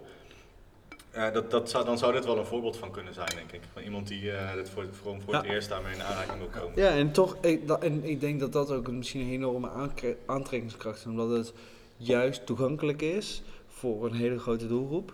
Ja. En aan de andere kant heel complex is voor mensen die meer gewoon geoefend zijn Ja, in, en diepte zoeken. in diepte zoeken. En ik denk juist als je die twee eh doelgroepen goed, of doelgroepen, dit klinkt nu gelijk heel erg als een marketingpraatje, daar niet van. Maar allebei als je- kan bedienen. Maar, Ja. nou, die kan bedienen, ja, maar als, als twee groepen daarvan kunnen, kunnen genieten, dan heb je het volgens mij heel Ja. goed voor elkaar als brouwerij. Ik denk dat dat voor heel veel brouwerijen daarvoor streven. Gewoon heel complex bier brouwen, wat zowel voor een, een beginnende bierdrinker als voor een oefenende bierdrinker interessant is. Dat is eigenlijk een van de moeilijkste dingen om te, om te kunnen doen. Je gaat je, weet je, ik bedoel, als je een of andere lompe triple IPA brouwt, dan moet je niet bij je vader mee aankomen die altijd pils heeft gedronken, weet je wel. Ja. Snap je? Dat moet je niet Ja, proberen. Nee. Maar als je iets kan brouwen waar een gemiddelde biergeek eh, los op gaat, maar wat je ook je vader kan voorzetten en die kan zeggen, oh, dat is ook goed bier. Ja. In mijn optiek maak je dan echt heel mooi bier. Ja, dat is mooi verwoord. Ik Ja. denk ho ho hoge kunst laag aandrempelig of laagdrempelig kunnen aanbieden, zeg maar. Dat dat, eh, Ja, exact. dat, dat echt wel de kunst is. Ehm, ik ga hem raten. Ik ga 4,5. eh ik heb een klein beetje over nagedacht. Antidood, eh, eh, eh, anti-gif, dus tegengif. Ik geef hem eh 4,5 eh Black Mamba's. Dat is de meest dodelijke gifslang. Nice. Heel goed, heel goed. Mooi. Nou ja, goed, ik, eh, ja, ik denk dat het meestal al gezegd is over dit, dit bier. Eh, goed, het is dus met eh, de bloem gebra- gebrouwen, die heel erg bitter smaakt eigenlijk, eh, waar ook absint van wordt gemaakt. Alsen Ja, als een bloem. bloesem. staat op het etiket. En ik eh, ga dus voor 4,5 oor. Oor. Hoor? Van Gogh, absint, oor Ah. afsneden. Oh, domme. Strak Nee. hoor. Hey. Ik denk dat dit nog steeds. Ik moet zeggen, Antidote kwam best wel dichtbij met een eh, artwork. Ik vond het best wel vet eigenlijk. Die, eh, Ja. die, die raven en eh, ja, dingen die zij op een fles hebben staan. Maar ik vind het. Ik heb dus een Warpix meegenomen. Ik vind het logo zo hard. Ja. Ja, ja, Je moet maar eens googlen naar het Warpix logo. Ik denk, als ik die shirts altijd zie, dan echt, het is instant dat je het herkent. Ja, En ik denk altijd, oh, dat is best vet. Het is best vet om te zien. ja wij, wij hebben er allebei eentje. Ja, groot gelijk. Ik zou ook willen dat ik eentje had. Ik ben er wel geweest, maar ik was echt, echt, ik was helemaal, ik was helemaal vanaf. ik kon niks meer bier bestellen toen ik binnen stond. Ik stond gewoon binnen. Ik, kon gewoon, ik was zo lam dat ik gewoon niks meer kon. Ik dacht van, joh, ik vind het vet om niet te zijn, maar echt, eh, Nou ja, het is wel een goede plek inderdaad om bier te bestellen en om lekker vlees te eten. ja, dat hoor ik. Dat is ook mijn... eh, Ik ga in eh 3 oktober zit, zit ik in Kopenhagen. Oké, nou Dus ja, dan dan is het herkansing, herkansing Ja. om... Ja, het is gewoon eh, een van, ik, ik vind het een van de top, ja goed, ik, ik vind het wel een van de tofste barren Ja. eh, in Kopenhagen. En dan moet ik wel zeggen dat er eh, heel veel toffe plekken zijn in Kopenhagen om bier te drinken. Hey, maar even, ik heb dus een Warpix meegenomen. Warpix is een eh brewpub in Kopenhagen inderdaad. En ehm, eigenlijk een, ja, een soort van ehm, vaste collab tussen twee brouwerijtjes, brouwerijen, brouwerijtjes, brouwerijen. Eh Mikkelig uit Kopenhagen en ehm Three Floyds uit de Verenigde Staten. En ehm, nou, wat ze eigenlijk doen, is ze zien het al als een soort van eh, speeltuin. Waarin ze dus eh, van alles kunnen maken en doen wat ze willen. Want het straalt niet per se Mikkeler uit, vind ik. Het straalt misschien een beetje Three Floyds uit. Want dat heeft wel een beetje dat metalachtige ja, in zich. En wie nog nooit bij Warpix is geweest in Kopenhagen, het is een industriegebied en dat, dat, dat, het liefst fiets je dat gewoon eigenlijk eh, eh, op. En dan zet je fiets weg en dan ga je op, de metal, op het metal geluid al af, want ze draaien eigenlijk altijd standaard metal. En dan bestel je een, eh, ja, ze hebben trouwens meer dan stout, want ik heb nu een stout meegenomen, maar ze hebben daar van alles en nog wat eigenlijk op de tap. En daar bestel je gewoon een, een, een bord met vlees bij. Ja. En dat Dan is ga je het. even aan de biertafel zitten en dan... Ja. En wat ik vooral heel tof vind is dat het is natuurlijk het oude meatpacking district. Het is gewoon een oud slachthuis. Waar je gewoon vlees zit te eten en waar ze een brouwketel in hebben gegooid en eh, eh, een bar. is wel geniaal dat ze gewoon een oude slaghuis te pakken hebben weten te krijgen en dat daarin eh, gebouwd hebben. Nou ja, het is natuurlijk wel. eh, het hele terrein is een meatpacking district. Dus er zit ook een CrossFit tent, er zit een hamburger tent, er zit een vega restaurant. Er zit van alles en nog wat. Dus het is niet alleen Warpix wat in zo'n eh, in zo'n pand zit. Right, proost Ja, jongens. cheers. Dikke umami jongen. Zo. Het is de Meat Jelly. Het is een Imperial Stout. Ehm, ja, barrel aged op bourbon. Van zo'n 10,9%. Je moet Dit is wel... een, eh, dit is een collab met eh, Three Sons. Ja, interessant. daar- Ja, interessant. Ik ken dat niet zo goed. Ja, ik ken het alleen van de Lumberjack eh stout. Ja, Three Sons is een hele kleine brouwerij in Florida. Ja, klopt. Best wel een hype brouwerij. Dus je ziet eigenlijk, ze doen heel veel in hun eh, pub zelf. En dan gewoon is het eigenlijk direct sales, dus gewoon in het glas. Dus je, Mhm. daarom is het ook redelijk hype, omdat ze bijna nooit flessen uitbrengen. En ze doen geen distributie.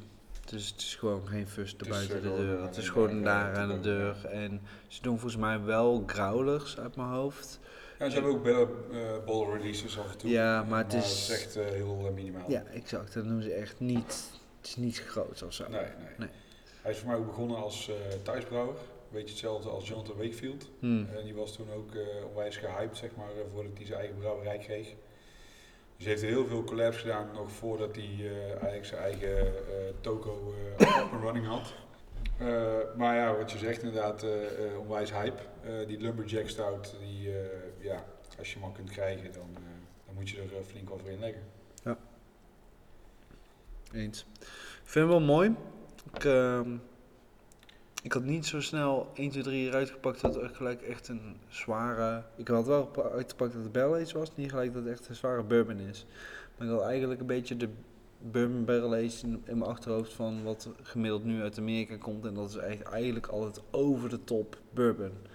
En, Ja, dit, en dit is nog gelaagd bourbon. Hier moet je, pas- pak je na twee, drie slokken pas echt denken van, oh ja, dit is echt gewoon Ja, een goede bourbon. hem, Ja, snap, snap ik bedoel? Het is, eh, ik heb de laatste tijd zoveel van die dikke imperial stouts op bourbons op dat ik echt gewoon dat je eigenlijk gewoon eigenlijk je hoeft niet eens maar zo, je hoeft maar zo te zitten en je denkt dat ze van van, van een halve meter afstand ruik je al de bourbon naar je toe komen. Je zei net umami. Ja. Ik, ik ruik ook vooral echt veel suikers. Ja. Dat is ook altijd wel een beetje, vind ik, met die Warpix. eh en dat is dan misschien vooral de invloed van Three Floyd. Super zoet. Ja, ja het is altijd zoet. natuurlijk Ja. een eh, Dark Lord, eh, wat gewoon bijna maple syrup is. eh Ja. Zo zoet. Wij hebben volgens mij een keertje samen, lang geleden, Smothering Holes op. Ja. En dat was ook echt zoet. Ja. zoet. Gewoon zoete bende. Op zich wel lekker op zichzelf, maar dat- niet dat je denkt van nou hier ga ik nog een tweede fles van aanschaffen, want hij was echt eh, dat je denkt van joh. eh, We hebben toevallig eh, oh, deze week, deze tweede week zes, Smothering zes, zes. Zes flessen, oh man. Nee, ze hebben toevallig net een, een, een serie uitgebracht met eh 3, 6, 9, 12, 15 en 18 maanden Hmm. gerijpt eh, op bourbon. Nou, maar dan snap ik het. Dus dan zie je dus wat die bourbon zeg maar over tijd, hoe lang het in het... eh, ja, ik vind het wel een tof, eh, een tof project wat ze hebben gedaan. En ik ben ook wel benieuwd wat, wat dat uiteindelijk qua smaak teweeg brengt. Dan vind ik 18 maanden is, is lang, maar niet extreem lang, zeg maar. Dat is anderhalf jaar. Ja, maar goed, je, je hebt natuurlijk ook bieren die eh, soms drie of vier jaar op, op vat liggen. Of bieren die drie, vier maanden en dan al dat ze zeggen hij is bourbon barrel. Dus, ja, dus, het is maar net hoe je benadert. maar ik ben, ik ben heel benieuwd hoe dit, eh, hoe dit eh, uitpakt. Staat het erop hoe lang deze Maar ik was aan het kijken. Ja, maar, want het, het, eh, schiet, het schiet me net te binnen. Hij proeft namelijk, een beetje uit ei- eigen ervaring, uit eigen ketels hier, dat deze een halfjaartje, misschien een negen maanden heeft gelegen. En dat ze daarna hebben gezegd, nou, hij zit wel goed in balans, je proeft de bourbon wel, Eh, let's go. Dus eh, hij is niet heel kort, maar hij is ook niet extreem lang. In ieder geval, staat het erop? Nee, is dat ook niet op Oké. Untapped. Jammer. Ik ben wel benieuwd, maar eigenlijk kunnen we wel een keer vragen aan ze, denk ik. Gewoon Zou, zou Warpix een brouwerij zijn die je op een Bruda zou willen zetten? Ja, eigenlijk wel. Ja, dat is eigenlijk wel interessant. hè. Ik zie het Warpix vrij weinig in, op festival staan. Dat komt omdat het ook een beetje een vreemde eend in de bijt is. Omdat het niet echt een brouwerij is waar er echt een frontman is die het begeleidt, zou ik maar zeggen. Snap je wat ik bedoel? Ja. ja, bedoel je dan Mikkel? Of? Nou ja, er is geen frontman. Weet je, want ik vind Mikkel niet eh, de brouwer van Warpix. Nou ja, het is die Aziatische jongen. Exact. Ja. En wij weten toevallig, maar als Nou ja, outsider weet je weet wel. Als outsider weet je niet wie dat is. Als insider weet je ook dat die. Maar je, zou, je zegt al die Aziat, weet je wel. Ik bedoel, hij heeft waarschijnlijk ook nog een naam ergens. Dus Ja, ja, en waarschijnlijk Snap een iets eh, duidelijker land waar hij vandaan komt. Exact, Eh, dat bedoel ik. Maar hij komt van eh Three Floyds, toch? Ja, exact. Ja, ja, hij komt van Ik Drift. weet zijn naam ook niet zo. Maar het is op zich wel ehm interessante brouwerij om uit te nodigen. Omdat ik denk dat ze op zich wel toffe dingen maken. Eh, en je ziet ze niet vaak. Nou ja, dat een twee jaar geleden of zo zag je nog wel eens eh, flessen her en der opduiken Maar in winkels. Oké, in eh, afgelopen jaar, op, als je even zelf even nadenkt, heb je, heb je ehm, hun op festivals in het buitenland gezien buiten Denemarken? Daar staan ze op een, eh, En jij hebt met ze op eh, het festival in Portugal gestaan, geloof ik? met Caminha. Ja, Ja. daar stonden ze toevallig. Dat Ja. is twee jaar geleden. Ja, toen stonden ze daar toevallig. Maar dat komt omdat de organisator van Caminha goede vrienden was met Mikkeler. Nee, ik, kan- ik kan me zo ook niet... Ik bedoel, misschien een Berlin Beer Week, dat ze daar hebben gestaan. Maar verder zou ik het ook niet... eh Op zich wel wat buiten, buiten Scandinavië. heel, hele, hele interessant om uit te nodigen. Omdat ze vet, eigenlijk wel vette dingen doen en je ziet ze eigenlijk nooit. Nee. Fuck, kunnen we dit knippen? Hoezo? Juist niet. Je hebt het nu al over. Volgend jaar staan ze er. Ja, wie weet. Werden dat ze volgend jaar op ref staan? Kutten. Jongen, Die jongens die luisteren helemaal niet naar deze podcast. Nee? Nee. Zoveel mensen luisteren dat überhaupt niet. Nou, naar de drie luisteraars, jongens. Eh, Ja. Volgend jaar eh Warpix op uh, Bruna. Dat is gezegd. Kut. Terug naar het bier. Ik vind het goed bier, echt wel oprecht. Ik denk dat, even heel kort, ik vind de geur interessant. Ik denk dat het lang gekookt is. Ik vind iets tikkertje aan de zoete kant. Ik denk dat de bourbon juist subtiel is en dat ik juist daardoor best wel kan waarderen. Eh, ook daar ben ik wel een beetje beoordeeld, omdat ik de afgelopen tijd best wel echt zware Imperial Stouts heb gehad waar het te hard erin zat. En dan valt dit een beetje, eigenlijk misschien niet tegen, maar In het niet. dit niet inderdaad. Maar juist dit vind ik eigenlijk interessanter, omdat het juist meer gelaagdheid oplevert. Ehm, en het is gewoon, eh, gewoon goed bier. Gewoon geen fouten, clean. Eh, ik geloof dat er 11% in zit. En eh, ja, niks aan toe te voegen kun je hier dan nog echt, naast eh, dat het bijvoorbeeld echt een dikke infectie zou hebben, zou je hier dan echt nog fouten in kunnen proeven? Omdat, het zo, omdat er zoveel Ja. gebeurt. Ja, ik denk het wel. Ja, ik proef af en toe wel barrels en dan denk ik van, nou, had niet hoeven. Maar het barrel had niet gehoeven? Of Het hele bier had niet was- hoeven. Oké, ja, ja. Gewoon het bier, eh, de basisbier deugt gewoon niet. Ik bedoel, een soort van aap een gouden ring aandoen en dan denken van, dan zal het wel goed zijn, weet je wel. weg. Ja, zo van, nou, ik knal er gewoon een half jaar bourbon eh, op en dan zal het wel oké zijn. Alsof je een bier eh, op eh, water gooit en dat er een bretinfectie ontstaat en dan het vermarkt als bret edit en dat dan voor meer geld probeert te verkopen. Vind ik hem net lekker als Smalling Halls? Nee, ik denk het niet. Ik denk dat Smalling Halls, wat- zeker toen ik die voor de eerste keer op had, was dat voor mij echt wel een openbaring. Dat ik dacht van, holy shit, er gebeurde echt zoveel.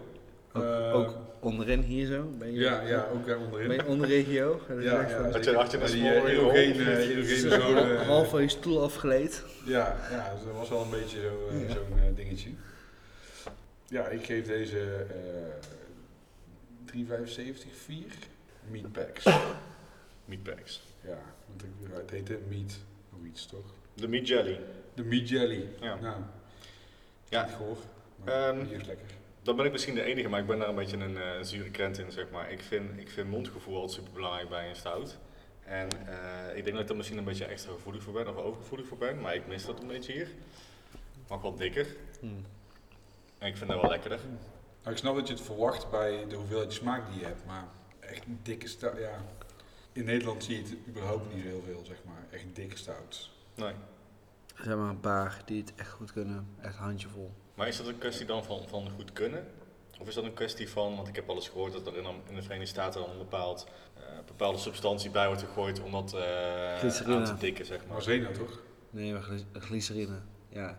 Maar zinnen zou ook kunnen, maar dan eh, kan je er ook gelijk een soep van trekken.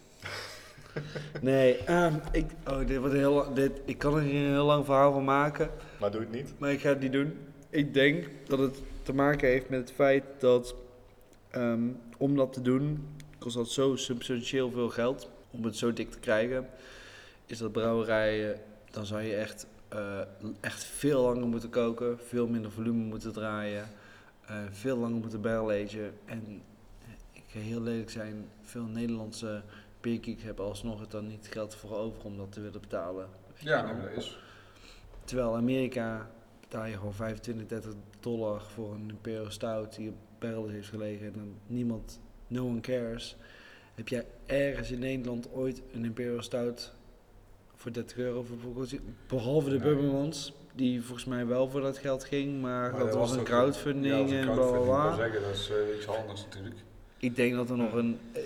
eh, eh, misschien voor, is, is er, zijn ongetwijfeld Nederlandse barrelages uitgekomen voor 10, 15 euro. Ongetwijfeld. Ik ben zelfs me oprecht al af. Nou goed, eh, vaak als je natuurlijk Nederlandse bieren, eh barrel-aged bieren hebt, heb je gewoon kleine flesjes. Ja. De molen heeft in het verleden wel grote flessen gedaan, maar die heb ik eigenlijk nooit echt gezien. Dat was misschien wel echt na mijn tijd, zeg maar. Of het was echt een hele gelimiteerde oplage. Wat bedoel je na jouw tijd? Nou goed, Nadat je interesse had verloren erin. Wow. Nee, meer, eh, meer, ik bedoel meer van dat- het echt zeg maar in eh 2012 was of zo. Ja, Toen zij natuurlijk grote... toen, toen deden ze dat, ja, ja. precies. En toen was ik nog niet zodanig into... Dus voor je tijd bedoel je? Ja, voor mijn tijd. Ja, ah, nee, na je tijd. Dus Nee, ik vroeg. Nee, na mijn tijd niet meer. Ah, oké, ja. Oké. Eh, ja, Ja, mensen kunnen terugluisteren. Even... vooruit. Maar, Nee, maar dus eh, je hebt hier eigenlijk over het algemeen kleine flessen. En dan Ja. inderdaad eh 12 euro denk ik wel. De, de max wat de gemiddelde Nederlander wil betalen voor een... eh, ja, en daar, loop je dan, en daar loop je dan tegenaan. Mits het een Bourbon County is, want daar geven ze wel eh, makkelijk 20 euro voor uit. Terwijl ik dat misschien dan nog wel weer minder interessant vind dan Ja. eh, sommige Nederlandse uh, We zouden- Ik zou, ik zou vanuit, vanuit mijn eigen persoon benaderen, we zouden het heel graag willen. Ik zou het heel graag willen doen om, ik, we, we weten ongeveer om tot echt tot dat shit te komen, weet je wel. We lopen dan tegen het plafond aan dat mensen, dat kluiterijen zeggen, ja maar wij gaan niet 120 euro betalen voor een doos. Nou ja, precies. Want wij krijgen een Jopen voor 70 euro. En dan zei ik, ja, maar dit is wel substantieel interessanter en anders dan wat een Jopen, Ja. Dan wat een Jopen biedt, weet je wel. En Joop is Dus- niet slecht daarin. Bedoel- Nee, bedoel, nee, nee, Joop is juist heel, ik vind Jo- Joop heel, heel cl- clean, strakke eh barrel doen. Ja. Dus helemaal niks, ik geef maar een voorbeeld, hè. ik bedoel, Ja. No offense tegen Joop. En Joop doet hele toffe dingen. Daar niet van. Maar, ehm, dus je loopt tegen een soort van plafond aan. Waarin mensen maar in mee willen gaan, weet je wel. Ja. Eh, ik denk dat zelfs bijvoorbeeld eh, andere brouwerijen, ik ga geen namen noemen, maar uit Noord- Noord-Holland, die het daar ook tegenaan lopen. En ook Ja. zeggen van ja, wij kunnen maar zoveel doen, omdat we ergens tegen, op een gegeven moment tegen het plafond lopen waar mensen maar voor willen betalen, weet je wel. Ja. En, voor- en voor hoeveel mensen is het ook interessant dan? Ja, die doelgroep wordt op een gegeven moment bijz- bijzonder klein. En je kan maar zoveel bier daaraan kwijt. Maar voordat we uitweiden, denk Ja. ik, of niet? Ik probeer een beetje de tijd te Ja, maken. snap? Ja, want we, we ouwe hoeren Nou, heel veel. Ja, het is wel... eh, ja. Ehm, ik geef dit eh, eh, vier Aussies. Weer Aussies. Ik geef het eh, vijf doodskoppen. Vijf Nee, vijf trouwens, dat is niet waar. Ik, ik roep maar wat. Ik geef het eh 4,5, want er is room for improvement. Zeker. Nou, we gaan bier drinken, We jongens. gaan weer naar het volgende biertje. Oh, Oh, hij heeft er echt heel veel zin in. Deze heeft... eh, ik weet niet wat hiermee is gebeurd. Cole, wat heb je meegenomen? Ik heb ehm, oprecht een van de oudste bieren die ik in mijn kelder heb eh, meegenomen. Je hoeft, hem niet, je hoeft die kurktech niet te pakken, want hij komt er vanzelf uit Ja, te zien. is het te zien ook. Duurt even. Dit is een Dus- extra lange uitzending. Voor de luisteraars, ik heb een uh, Cantillon Loup Peppe Framboise 2012 meegenomen. En hij is bijzonder levendig. Eh, de dop is inmiddels overleden, zoals je ziet. Ja. Die is eerder eh, zwart dan wit. En de kurk heeft zin, want die wil er heel graag uitkomen. Dus ik denk als ik een paar tikken geef dat hij uit zichzelf... Nee, heeft geen Nee, zin. nee, Nee, ik ga hem niet. toch doen, maar eh, ik denk dat ik bijzonder weinig moeite hoef te doen.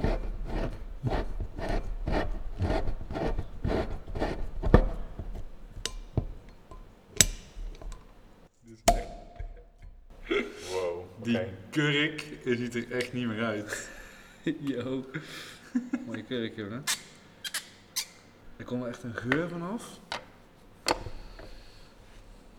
Zo, is echt eh, doordringend. Nou, dus dit ding heeft eh, vier jaar lang in mijn kelder op een eh, temperatuur van 12 graden gelegen. Je hebt een goede kelder. Ja, thanks. Ja, het is een wijnkoelkast. Dus, Oh, ligt in de koelkast. Je cheat een klein beetje. Of ik doe het gewoon goed, bedoel je? Zo, Ja, wat een ja. geur van die kurk alleen al. Beetje kaas. Beetje kaas. Beetje kaas. Ik heb wel eens een kaas eigenlijk. Er zal nu, nu geen kaasboer meer open zijn, denk ik. Nee, ik heb wel- wij hebben nog wel een, ik kan wel een kaasplankje in elkaar draaien hoor. Nou, daar zeggen wij geen nee Daar tegen. zeg ik ook geen nee tegen. Ja, een kaasplankje dat ik achterop doe. Zo, wauw zeg. Ik ben nu even zelf aan het eh, nadenken en terugkijken wanneer ik voor het eerst een Loop Pepper op heb.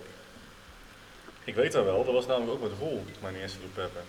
Ik weet dat ook goed, bij Café Bakker. Ja, Weet nog godverdomme goed? dat was eigenlijk de eh, voorganger, van, ja, de voorganger van Hoppegon. Eh bier in de tuin, Hier in de tuin ja. inderdaad. bij Café Bakker in Tilburg. En toen hadden wij een ehm framboise, nee, dan hadden we een Kriek 2011.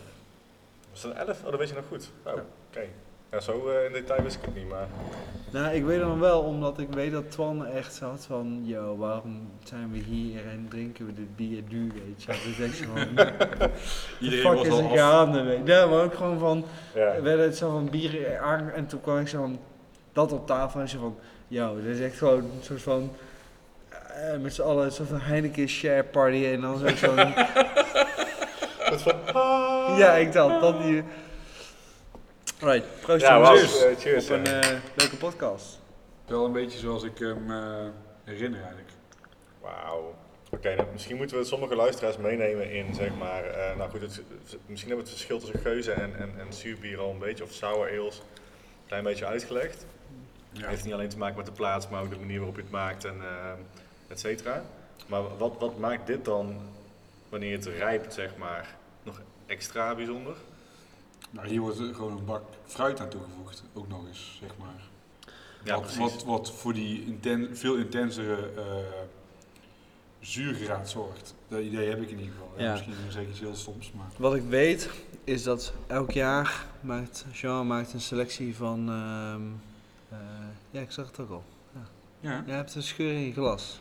ja, maar, is het, maar het houdt wel. Het houdt Ja, wel. ja, Wil je met me ruilen? Nee Dan- ik vind oké. het prima. En Jean is de eigenaar van Cantillon. Exact. Jean is de brouwer en eigenaar van Cantillon. Ze hebben ongeveer eh, een 800-tal laten eh, liggen. Van heel groot tot heel klein. Elk jaar eh maakt zij natuurlijk een ehm, selectie voor hun oude geuzen om te blenden. Een eh, selectie voor hun eh eh framboise, voor hun Grosé de Gambrinus. Ja, dat is die, dat, dat is die, dat, en die biokriek, sorry. Framboise is het Grosé de Gambrinus. En uit mijn hoofd, voor die Rosé de Gambrinus, wat ze doen, is soms komen ze tegen, lopen ze dus tegen een bier aan dat ze denken, dit is zo'n mooi complex bier van zichzelf, dat dit eh, de moeite waard is om hier extra veel ehm eh, kriek of framboos aan toe te voegen, Ja. zodat het Le wordt. Maar wat, eh, en wat- hoe is het dan bijvoorbeeld bij een Lou Pepper geuze? Want die is er ook. Dus je hebt Ja, natuurlijk dus de de de Dus geuze. Is een, uit mijn hoofd een blend van hele unieke vaten die een heel uniek karakter hebben van zichzelf. Eh, en ik denk dat de unieke karakter voornamelijk komt vanuit het vat en niet vanuit het, de cultuur of Het eh, basisbier. het basisbier. Ja. Dus ik denk de combinatie van die drie, dat, de, dat het vat eigenlijk eruit springt. En dat ze dan zeggen, hey, van de 300 vaten die we hebben liggen met een eh, standaard geuze zijn er misschien 15 die echt een hele unieke cultuur hebben. En die, die kenmerken ze zich dan voor, Eh De, Loepeppe. de blend. Geuze, ja. Dus dit bier is eh, gemaakt met 300 gram de liter. Eh, tegenwoordig is dat eh, Ja, volgens mij was het meer tegenwoordig, maar dat eh, kan ook uh, vergissen. exact, maar voor die tijd, want we moeten, het is een Loepeppe uit eh, 2012. Ja. Nou, dan hebben we het over bijna zeven jaar geleden. Nou, dat was toen we, werden niet eens triple, triple fruited gozes gemaakt. Nee, Ehm, dat staan Berliner Weissers met ja, exact. Eh, toen begonnen net de eerste mensen echt barrel te doen. Nou, zij kwamen dus met een 300 grams. Dus dit was voor die tijd al best wel uniek. En het grappige is dat je dus dit bier, dus nu zeven jaar na, dat het nog, dat het nog zo ongelooflijk veel naar frambozen smaakt, is het best wel uniek. Ja, Ik bedoel, ik heb zeven jaar oude barrel op waarvan ik dacht van, nou, laat ik, had ik het twee jaar geleden maar gewoon gedronken, want dan was het echt op zijn hoogtepunt. En Ja. ik denk dat dit nog steeds echt, echt een dijk van een bier is. ja dit, dit, dit- ik, heb, ik heb deze, toevallig ook dit, deze, deze jaargang, dus die is in 2012 geblend of gebrouwen, een van de twee. En in 2015 op fles gegaan. Ik heb die dus vers gedronken in eh, Ja. 2015. En hij is gewoon lekkerder dan dat hij toen was. Hm. Zoals ik me kan herinneren daarvan, zeg maar. Ja. Het is gewoon echt eh, volle bak fruit. Maar het is dus niet geheel ontoevallig, denk ik, dat, jij, dat wij elkaar weer zien en dit bier drinken. Nee. Een andere jaargang. Dus wat, waarom, waarom dit bier? Ehm, omdat eh, wij met z'n drieën kennen elkaar natuurlijk een hele lange tijd. Ehm eh, Dion en wij kennen elkaar. Ik probeer even te denken wanneer we elkaar voor, een keer, voor elkaar voor het eerst hebben gezien. Ik denk met Ik de Hopmannen. Oh, je weet nou heel goed? Ja, Oh, ja, top. ja. Waarschijnlijk. Ik, ik, ik kan, kan je to, Hij wordt licht er nog toe? steeds zwetend wakker van. Ja, Ja. top. oh, shit. Nee, het was eh sedert. eh, nee, het was. ehm Bibo Berlijn bestond, denk ik. eh, de proeverij die we nog steeds doen, bes- bestond volgens mij een ja. jaar of zo, misschien nog minder dan een jaar. En we hadden al een keertje eh, Dennis van Oldschool uitgenodigd. En toen, bestond, toen begon het een beetje te rollen van stof als we elke keer een brouwer uitnodigen bij onze proeverijen. Volgens mij was jij de tweede of zo, denk ik, die we Ja, kunnen. En eh, jij kwam op je skateboard aan Ja, en eh, inderdaad super jong en ook aangekondigd als dit is de jongste brouwer van Nederland op dit moment en maakt gave bieren. Je had de bieren in je rugzak mee volgens mij. Ja, dat klopt. Eh, je miste er naar de trein. Bleef bij Twan pitten. En dat was gewoon een super toffe avond. Want niet voor niks dat je die trein miste. Het was gewoon, we hebben echt gelachen en het was een toffe avond, ja. Ehm, en sindsdien altijd jullie gevolgd. Of jou Ja. gevolgd. Of jullie. Ja. Ja, die, die avond reed me echt heel goed inderdaad. Ja, dat is heel tof. Ja, heel, heel vet. Al lachen. En daarna bij Bakker, eh, toen hadden wij een soort van idee van we willen een, ehm, we willen een bottleshare eh, oprichten voor mensen die ehm, het leuk vinden om aan te schuiven met een bier. Wat eigenlijk nu ook een soort van woordgenootschap hè? Ja, heeft daar eh, heel, heel erg iets van weg. Ehm, en eh, toen kwam je aan met die, eh met die Lupeppe, Ja. waarvan iedereen dacht, holy shit. Wat is dit? we Was doen, het- we doen een borrelshare, maar nu komt Roel aan met een eh, fucking fles van, eh, ja, gewoon schoot alles weg, zeg ja, maar. gewoon, ja, met dat vooral. Zeker in die tijd. Ja, Als je dit eh, drie jaar geleden meenam, in ieder geval, toen waren wij, eh, als ik voor mezelf spreek, was ik gewoon net in Nederlandse, beginnen met... eh, Nederlandse bier aan het ontdekken en een klein beetje uitstapjes naar Amerika maken. ja. Eh, met Amerikaanse bieren die je dan eh, eh, met bevriende Amerikanen overdeed laten Mhm. shippen, zeg maar. Dit was echt zo, als je dit tegenkwam, ook in een, in een café of zo. Ik weet nog dat ik deze voor de eerste keer in Rome heb gedronken, of all places, zeg maar. ja. Zag ik die staan, ik zei ja, ik moet deze gewoon drinken. En toen zei, toen was mijn moeder en mijn broertje was ik in Rome. En toen zei mijn moeder, ja, wat kost zo'n fles? Maakt Op, er nou uit? Tilburgs. ik zei ja, volgens mij was die 25 of 35 euro of zo. Ik zei ja, 25 euro. Maar ik wil deze gewoon drinken. Dus ik heb gewoon die fles en mijn moeder had echt iets van, wil je doen? En mijn moeder die houdt echt niet van zuur. Ik heb haar namelijk al een paar keer eh, voor de gek gehouden dat ik een oud bruin bestelde. Maar dat het een Vlaams bruin was. Waardoor het in plaats van zoet knijt zuur was. En zij begon te vloeken. Maar mijn broertje die dronk dus, dit voor het eerst. Die, had ook, die, had, die dronk altijd gewoon pils. En die had echt zoiets van, dit is echt mind-blowing dat dit gewoon bier is, zeg maar. Weet Ja, je ja, wel? ja. En ik, had, ik zat gewoon echt als een gelukkig kind, zeg maar, gewoon eh, te nippen van mijn glas, omdat het gewoon zo vet, iets vets is. Wat je destijds echt alleen bij de brouwerij kon kopen ja, ja. of ja, kon drinken. vet. Dus, eh, Dat is misschien wel interessant. Dion, kan je nog de eerste keer herinneren, het allereerste bier wat je ooit in je leven op hebt, dat je dacht van, fuck, dit is echt zo goed, ik wil echt meer speciaal bier drinken. Wow, oké, goede vraag.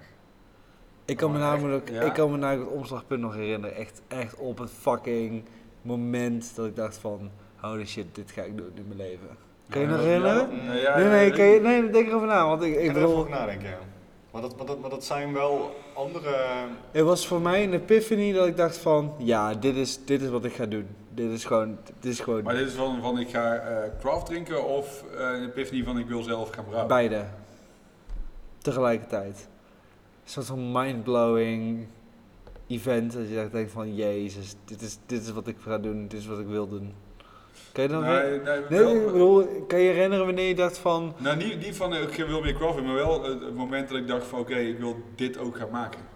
en wanneer was, weet je dat nog, wanneer dat was? Nou goed, dat was, ik zat toen met eh, Daniel, eh even Ja, brouwer van, eh, van Lok.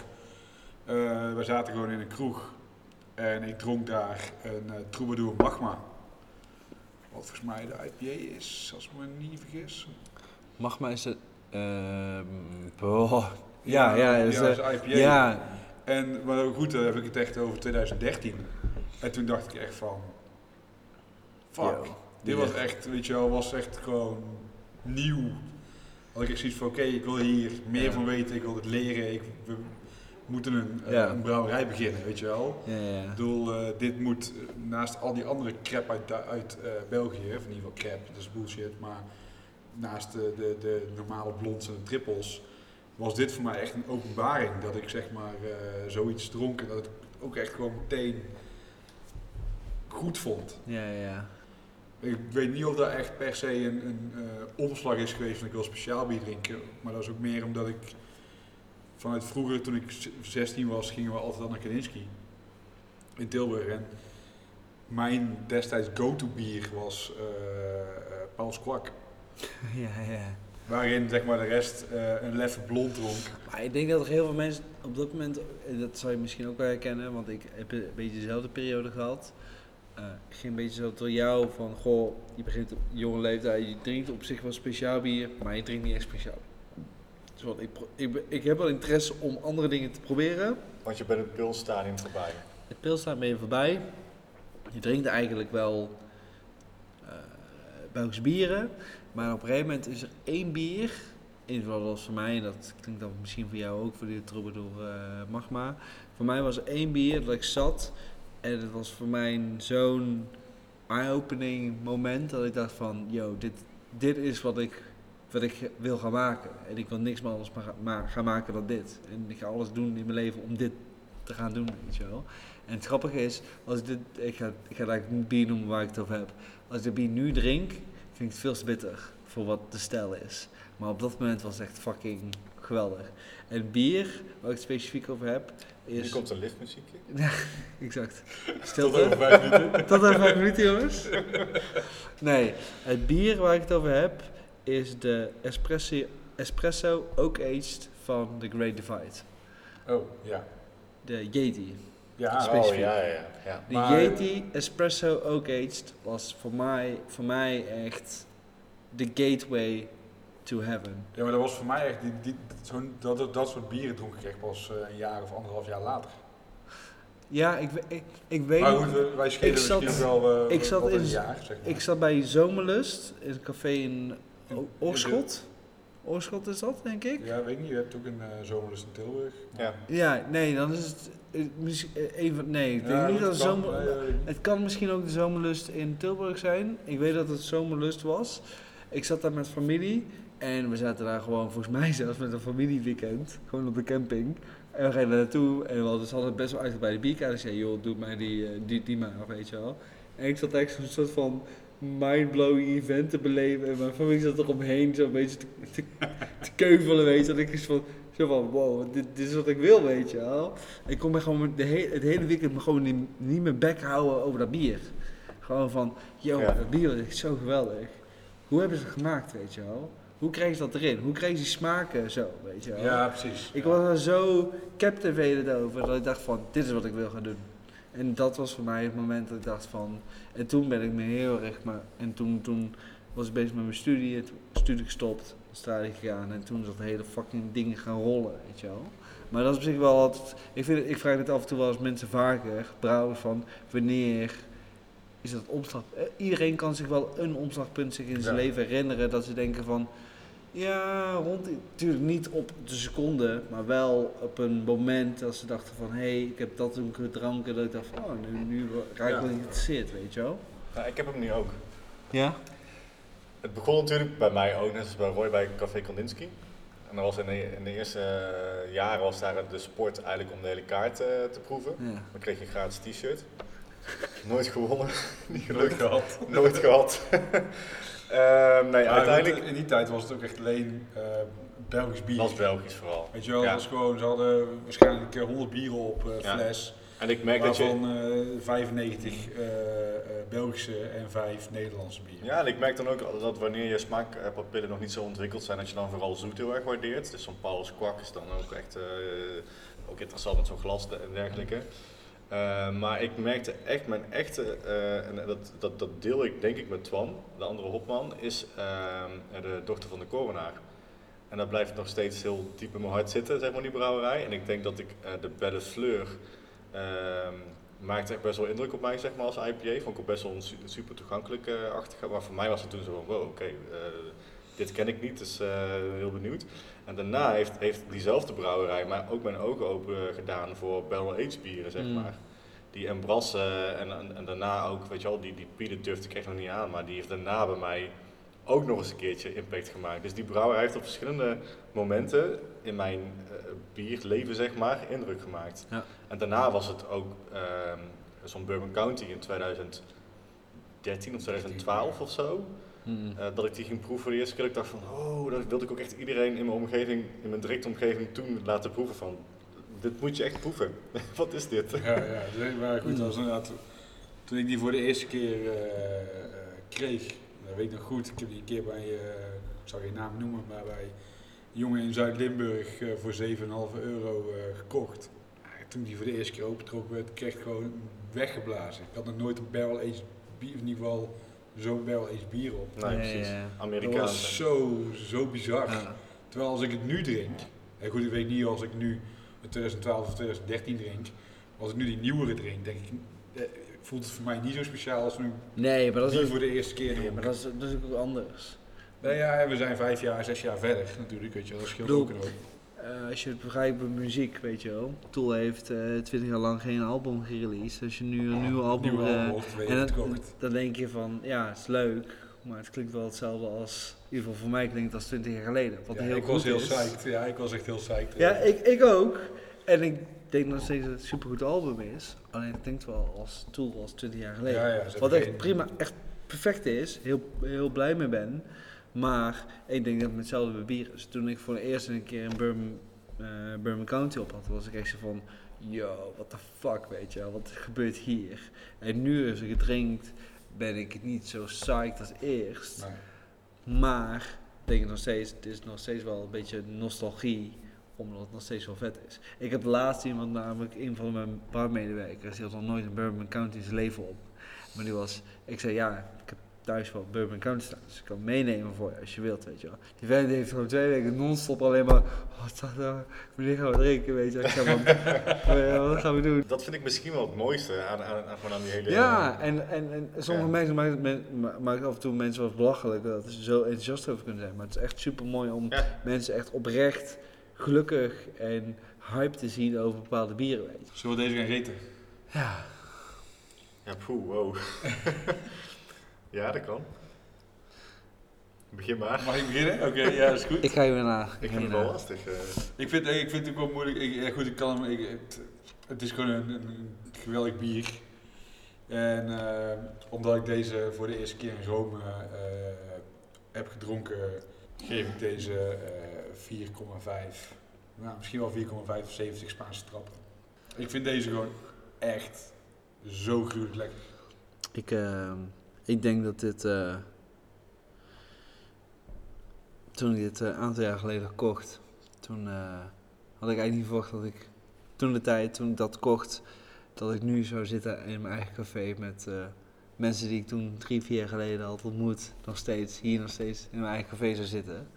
Dus ik geef dit eh 4,5 zomerlusten. Heel goed. Nice. ja, ehm, ik, ik, ga, ik ga saai mee, maar ik, ik eh, vind het lastig om tussen de 4,5 en 4. Ik ga toch voor de 4,5. En waarom? Omdat, eh, waar jij het al eerder over had, die, die bepaalde eh, acidity, zeg maar, dus die Mhm. zuurheid die je wel langs je, ehm, langs je keel voelt kruipen, zeg maar, ehm, die, die staat me een klein beetje tegen na een tijd, denk ik. Mm. Dus ik vind, die- ik vind die fruitigheid super mooi. Ik heb daar soms een beetje moeite mee, zeg Mm. maar. Als ik een beetje mag zeuren. En eh, de- voor de rest vind ik het super lekker. En ik vind het super mooi om, om, om na zo'n lange tijd weer een keertje wat, wat ouder zeg maar, te proeven. Ehm, ik heb ook nog wel wat in mijn kelder staan, maar dat, dat, ja, wanneer trek je dat open, zeg maar? Nu? Op dit soort momenten moet je dat gewoon doen. Ja, Ja. precies. Dat doe je Ja. niet alleen als je alleen op de bank zit. Nee, Op de dinsdagavond bij NAC kijken. En dan, eh, ongelooflijk. Gaan we het over NAC hebben nu? ja. Dus, eh, Nee, laat niet over NAC hebben. Nee, eh, niet. Nee, ik eh, ga voor ehm 4,5 kersen. Ja, heel suf. Daar doe ik het Het voor. zijn frambozen, toch? Oh, frambozen. Kut. Kut. 4,5 frambozen. Holy shit. Oké, gaan wij eh, naar onze tip van deze maand. Ehm Ja? De festivaltip. Borefs. Ja, we hebben het er al even over gehad nu, dat uh, Borefts. Ehm, 27 en 28 september bij de molen in Bodegraven. Maar het is de 11e editie. Vorig jaar hadden ze natuurlijk een eh, befaamde 10e editie. Ik moet zeggen, ik ben er sinds, eh, ik ben er al twee jaar niet meer geweest. Dus in 2016, ja, 2016 was mijn laatste uh, Borefs editie. Dit jaar staan er wel weer leuke brouwers. Onder andere Alvin en dochter van de Coronaar uit België. Hey. Daar hebben we het al over gehad natuurlijk. Uh, uit Amerika komt uh, Old Hickory Gigantic en uiteraard weer Hair of the Dog. Ook een vaste gast, hè? Hair of the Dog is inderdaad een vaste gast. Gigantic is vet, hè? Goeie brouwerij. Ja, uit Portland geloof ik. Ja, uit ja. Portland, ja. Ja, Zweden is dit jaar uh, weer uh, goed uh, vertegenwoordigd, met vier brouwerijen zelfs. Naast Nerke, die er eigenlijk ook uit, elk jaar staat, staat nu ook Dugas, EE en Omnipollo op het festival. Oh, oh. Nou, Omnipollo is ook al vaker geweest. Ik weet niet Zo of vaak die, geweest, uh, ja, ja. die uh, de laatste Twee jaren... jaar geleden ook al, ja. En van Nerken zou ik misschien alleen nog gaan. Ja, maar Nerk is gewoon mooi dat die, uh, die brouwer op een gegeven moment met zijn uh, kleine vaatje... Uit zijn wc, in zijn, zijn pispot aankomt. Pispot aankomt. Ja, de urinoir? Oh, dat weet ik niet. Wat, heb je nooit gezien? Nee. Dat ze dat bier serveren uit de urinoir? Nee, het is toch gewoon zo'n klein vaatje uh, waar je nee, altijd zo'n Ner storm... Uh, Nerk heeft een bier en dat serveren ze alleen maar uit urinoir. Oh, nee, dat heb ik echt nooit Nee? Nee, ah, moet je maar opletten. Ja, ik ga er dit jaar niet heen. Ja. Het is ook al uh, uitverkocht, dus heb je geen kaart, dan heb je sowieso uh, gewoon dikke vette pech. Maar dat doen ze ook goed. Uitverkopen op voorhand, vijf ja. dagen. Dat is volgens mij ook, uh, in ieder geval de tijd dat ik ging, was het op vrijdag altijd vrij relatief rustig. Rustig gewoon. Was het gewoon een fijne dag om te gaan. En nu ja. op twee dagen 3500 man per dag. Dus, uh, nou goed, dat was de tip Top. voor deze week. Zouden ze een uh, Brett-editie meenemen? Noem zelf. Durf niet te zeggen, man. Ja, wie weet. Spannend. Je weet maar nooit. Zouden zij nog... Uh... Ze hebben in ieder geval altijd uh, meer dan 20 bieren van hunzelf op tap, toch? Dus uh, er zal vast wel een bret, een bret bier tussen zitten. Maar zou het, zou het festival van de molen nog last hebben van de overname? Door... Ja, blijkbaar dus niet, want ze verkopen Nee. uit. Nou ja, dat wil niet per se zeggen dat sommige mensen die Zou- op een andere manier ernaar kijken, misschien nou, zien te eh, komen of dat, of dat bepaalde brouwerijen, bedoel ik eigenlijk vooral te zeggen, misschien hebben afgezegd of niet, dat weten we niet. Ik heb wel mensen die, ik, eh, die zeggen, joh, ik, eh, zijn, en dat heeft misschien niet zoveel te maken met Borres, maar wel zeggen van, er zijn zoveel festivals en er zijn tegenwoordig ook best wel andere goede festivals Ja, in, precies. Eh, in Noord-Brabant. Niet alleen wij, maar een andere die ik nog ja, Van. Mol doet het uh, gewoon onwijs goed.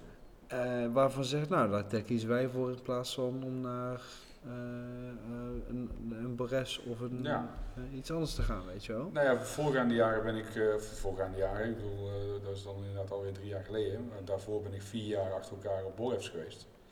En ik heb daar een superleuke tijd gehad. Er is de, in Bill- Billy's, is ook Billy- ja, een goede, Billy's, waardige eh, ben ik- concurrent. Ben ik, vorig jaar voor de eerste keer geweest op de vrijdag. En dit jaar eh, ben ik er weer op vrijdag. is echt heel top. Ik, ik vermaak me echt heel goed op eh, Billy's eigenlijk. Ja. Het is gewoon eh, toch eh, net even iets anders. En ik had het daar laatst ook met eh, Danny van Oersoep over. Eh, want we hadden het even over eh, Van Molfest. er staan ook eh, best wel wat eh, brouwers op Van Molfest. En eh, het is gewoon groot, groot opgezet. Dus waarom zeg maar, eh, zo'n Van Molfest dan ook niet zeg maar, de stap maakt naar eh, de formule die Billy's doet. Ja. Eh, ik denk dat van mijn perspectief uit zou dat, zou dat voldoende draagvlak kunnen hebben. Aan de andere kant zijn er misschien inderdaad bierliefhebbers die niet, die niet per se 60 euro voorhand uit willen geven op een festival. waar ze onbeperkt bier kunnen drinken. En, ja, het creëert ook een bepaalde cultuur, denk ik. Ja, en ik denk dat Nederland daar misschien inderdaad, net- als Danny, die, die zei het ook, en die had het dan weer met eh, Erwin van Moller over, dat Nederland daar misschien niet klaar voor is. Eh, althans niet eh, het grote publiek, wat, eh, Mm. niet de dagjesmensen die op een Van Mol afkomen. Hmm. Want daar heeft Van Mol het natuurlijk ook gewoon van. Mensen die spontaan denken van, oh we gaan er even daar naartoe.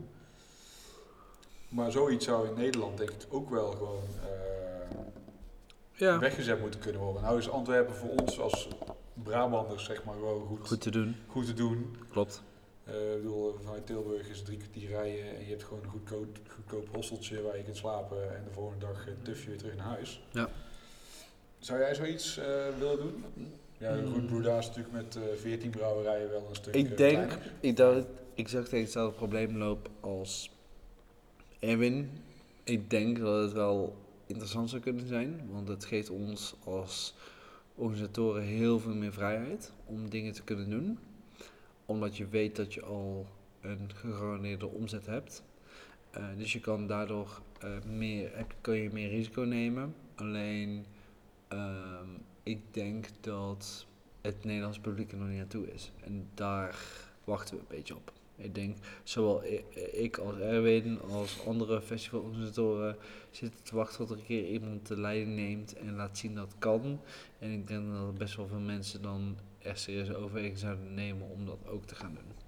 Maar ik wil niet meer de eerste zijn die dat gaat uittesten om te kijken of het werkt, ja of nee. Nee, Maar moet je dan, moet je dan, ja. moet je dan niet, eh, zeg maar, als je de eerste wil zijn, moet je dan ook niet gewoon zeggen van eh, we, we pakken daar een, eh, een importeur of een, eh, een, een groothandel eh, bij die, eh, die daarin meedraait. Tuurlijk, absoluut. Dat is wat, wat Billy's nu ook doet. Nee, daarom, Daarom. weet je wel. Dus ik snap, ik, snap dus je, ik, snap je, ik snap je insteek. Ik bedoel, Als brouwerij zelf eh, is het niet, niet haalbaar, want je hebt die afzetkanalen. Ik bedoel, je hebt die afzetkanalen wel, maar die heb je voor je eigen bier en Ja. dat wil je niet. Maar dan, is, dan, is, dan ben je in Nederland ook weer een beetje beperkt. Omdat er maar in Nederland, als de brouwerij die dan ze willen binnentrekken om dat soort dingen te doen. Eh, als je dan met een grote importeur wil werken die dat zou kunnen doen. Die heeft dan weer niet de middelen om zoveel... Of stel je een Omnipollo, dan zou het niet via een multibier kunnen lopen bijvoorbeeld. Die wel die middelen zouden hebben om die afzetkanaal te Ja, maar die realiseren. hebben niet, eh, niet die brouwerij in hun portfolio zitten. Een, een bierlijn heeft dat bijvoorbeeld wel, die brouwerijen, maar, die heeft die niet. niet.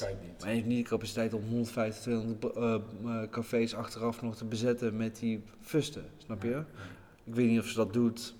Eh, en Nou goed, ik misschien dat spreek ik nu een beetje voor, voor, voor mezelf dat ik denk van dat kan ze niet ja of nee, of dat kunnen ze niet ja of nee. Nou, ik weet dat, dat ze de, de bieren voor eh, carnivalen, die heeft zij het grootste. Ja, en dat, ja, exact. Dus, dus, maar ja, dat zijn wel een hele selecte aantal kroegen die gewoon heel veel afnemen. Ja, van één keer. Die zij zet niet bijvoorbeeld bij café eh, de huppel af in, in eh, Den Haag, weet je wel. Terwijl het wel een biercafé is. Maar dat is gewoon waar ze waarschijnlijk misschien niet binnenkomt. Weet ik ook niet, hè. Dat is een aanname. nee, maar goed, dan zetten ze niet die bieren die op carnivalen staan, die komen daar niet. dus je snapt mijn punt. Dus, dus als wij dan bijvoorbeeld eh, 150 fusten hype bieren neerzetten met een minimale inkoop van 150, 160 euro, want dat moet het zijn, want anders krijg je gewoon die bieren niet. Ja. dan heb je het wel over een redelijk groot risico dat je met z'n tweeën moet gaan dragen. Daarom. Dus dat eh, zal Dus het is een beetje niet, een eh, eh, tricky ding. Het lijkt me wel interessant hoor. Het lijkt me serieus een hele interessante eh, discussie om te voeren. Eh, ook om te kijken of, de haal, of, haalbaar of het haalbaar is. Maar wij moeten eigenlijk stiekem vanuit Frontaal nog een tweede festival organiseren. Dus eh, wie weet. Stiekem. Vertel, vertel. nou, wij hebben een soort van beloofd om een tweede festival te organiseren naast Bruda. Dus eh, het, het heet Frontaalfest. Maar we eh, dat soort dingen zouden gaan doen. Dus eh, ik heb misschien wel een idee gekregen om iets te gaan doen. Dus eh, Ik zou even José bellen morgen. ik ga José even morgen met José lekker koffie drinken. Zou ik doen. Vindt ze Ja. vast gezellig. Heel gezellig. Nou goed, tot zover onze tips. Naast morgen heeft ze ook de tip dat jij José moet gaan bellen. Roel, heb je nog iets te pluggen? Ja, eigenlijk wel. Nog een festival. Godverdomme, nog een... Nee, niet een festival. Evenement. Een evenement. Een evenement. We doen 19 oktober een eh Oktoberfest. Ja, Ja, dat is best wel zo. vet. Want eh, we hebben 30, eh 30 tafels. Klinkt veel, maar is heel weinig eigenlijk. Want een, eh, het is per vier personen een tafel in plaats van per acht. Oké. Dus we hebben relatief weinig tafel te vergeven. En we hebben onze eigen Mertse gebrouwen, onze eigen Oktoberfest dus eigenlijk. Eh, met eh, eten erbij van Dr. Worst. Gewoon, eh, Oh, lekker. zit in de prijs. Je betaalt dus een tientje per persoon. Dan krijg je dus een pil bier, een pil zelf, eten en de hele dag zitten. Je krijgt een pil bier, eten en wat zat er tussenin? Eh, de pil zelf, Oh, de pil zelf. de Oh, oké. zelf, dus de, de, de- het glas Ja, zelf. ja, ja. ja. En je zit de hele dag. En een een, een gegarandeerde tafel dus. En een gegarandeerde tafel. Voor een tientje. Dus niks. Nou ja, Doen ze niet na, München. Ja. Dat doen ze niet meer na, nee. Ik, ik ben er nooit geweest, eh Oktoberfest. in Nou, dat kan je niet Ik vertellen. Ik, kan je, ik wel, dus ik kan je vertellen dat het niet gebeurt. Dus, eh, Nee? dus eh, ja, dat. Je kan eh, via onze Facebookpagina ons aanmelden. Maar nou is de hamvraag. Zijn er ook pretzels? Er zijn pretzels. Dan eh, ben ik er sowieso bij. Ja? Ja, Daar hou ik je aan, hè? jazeker. We gaan een tafel reserveren, toch? Ja? Zeker. Lijkt me wel vet eigenlijk. Ja, De woordgenotentafel. de woordgenotentafel. Het Ja, woordgenoot, woordgenoten. het woordgenootschappentafel. Oh, Dan nice. kunnen we ook meteen, we hebben toch al een puls, kunnen we ook gewoon een bolsje meteen op de tafel. ja. Halve liter barrel aged. Ja, half liter eens, ja. ja. Nice. Maar eh, dat is mijn plug. Voor de Ja, ja, rest, dat is, eh, eh, voor de rest gewoon eh, jullie eh, standaard eh, Onze, socials eh, volgen. exact. En onze stomme programmering. Oké. Top. Jon, Ja. Ik heb niks te plukken. heb je dit keer niks te pluggen? Nee, ik, ik, zat, ik zat erna te denken, maar ja, goed, ja, eh, hè, want dan loop je altijd over, een beetje over te zeuren. Helemaal niet. Nee, eh, ja, weet je, ik heb elke maand een, een renclubje waar ik mee ren en dan daarna bier drink. Ja. Dus eh, volg het. Mijn club en de Club Tilburg. En elke eerste zaterdag van de maand gaan we rennen en bier drinken. Ja, ik heb ook een clubje en dat is gewoon het uh, bierdrinkclubje. En ik krijg van Mikkel er eh, gewoon eh, elke maand een doos bier thuis gestuurd. En die rent naar jouw voordeur. En die, die UPS delivery guy die rent inderdaad naar mijn voordeur. En dan staat hij met zijn scan klaar. Wil je even een handtekening zetten? Nee, ik heb verder ook niks te pluggen. Alleen dat ik hoop dat heel veel mensen zich inschrijven voor de Mikkel Running Club. En dat de, het Oktoberfest bij Frontaal uitverkocht raakt. Maar dat, dat zie ik ook gebeuren. Denk het wel. Denk ik ook wel, ja. Nou, top. Dan uh, was dit uh, gewoon weer een, een mooie aflevering. Godverdomme. Uh, godverdomme. Lekker, lekker hoor. Ik heb daar zo wel eventjes wat dingetjes te zeggen, wat huishoudelijke mededelingen. Uiteraard. Mocht je na uh, deze aflevering denken van ik heb uh, klachten, vragen, uh, opmerkingen, dan kun je die altijd mailen naar uh, volg ons via onze socials, Instagram, Facebook. En luister ons via uh, alle gebruikelijke platformen. En mocht het nou een platform zijn waar, je, waar wij niet op zitten, dat kan. Laat het even weten. Snapchat? Snapchat doen we niet. Ik, ben geen 13-jarige uh, fashion, fashionista. Heb je een YouTube kanaal? Ik heb, we hebben geen YouTube kanaal, maar we doen ook alleen maar... Wat is dit? Wat is dit zo? Ja, dat wel, uh, hadden we in het begin wel, maar dat was helemaal niet leuk. Dat was vrij vervelend. Dus ja. je gewoon je een zwart beeld te kijken. Fair met geluid eroverheen. iTunes? iTunes zitten we zeker. En Spotify? Spotify, Soundcloud, Player FM. Ah, kijk. Als je gewoon ons in Google intypt, dan krijg je ook al automatisch via Google een eh, stream eh voorgeschoteld. Doen ze gewoon voor ons. Nice. Oké, nou eh, wij drinken als laatste eens een beetje uh, Doe Pep Framboise uit 2012 eh, op. En dan deze zeggen wij eh, cheers. Dankjewel.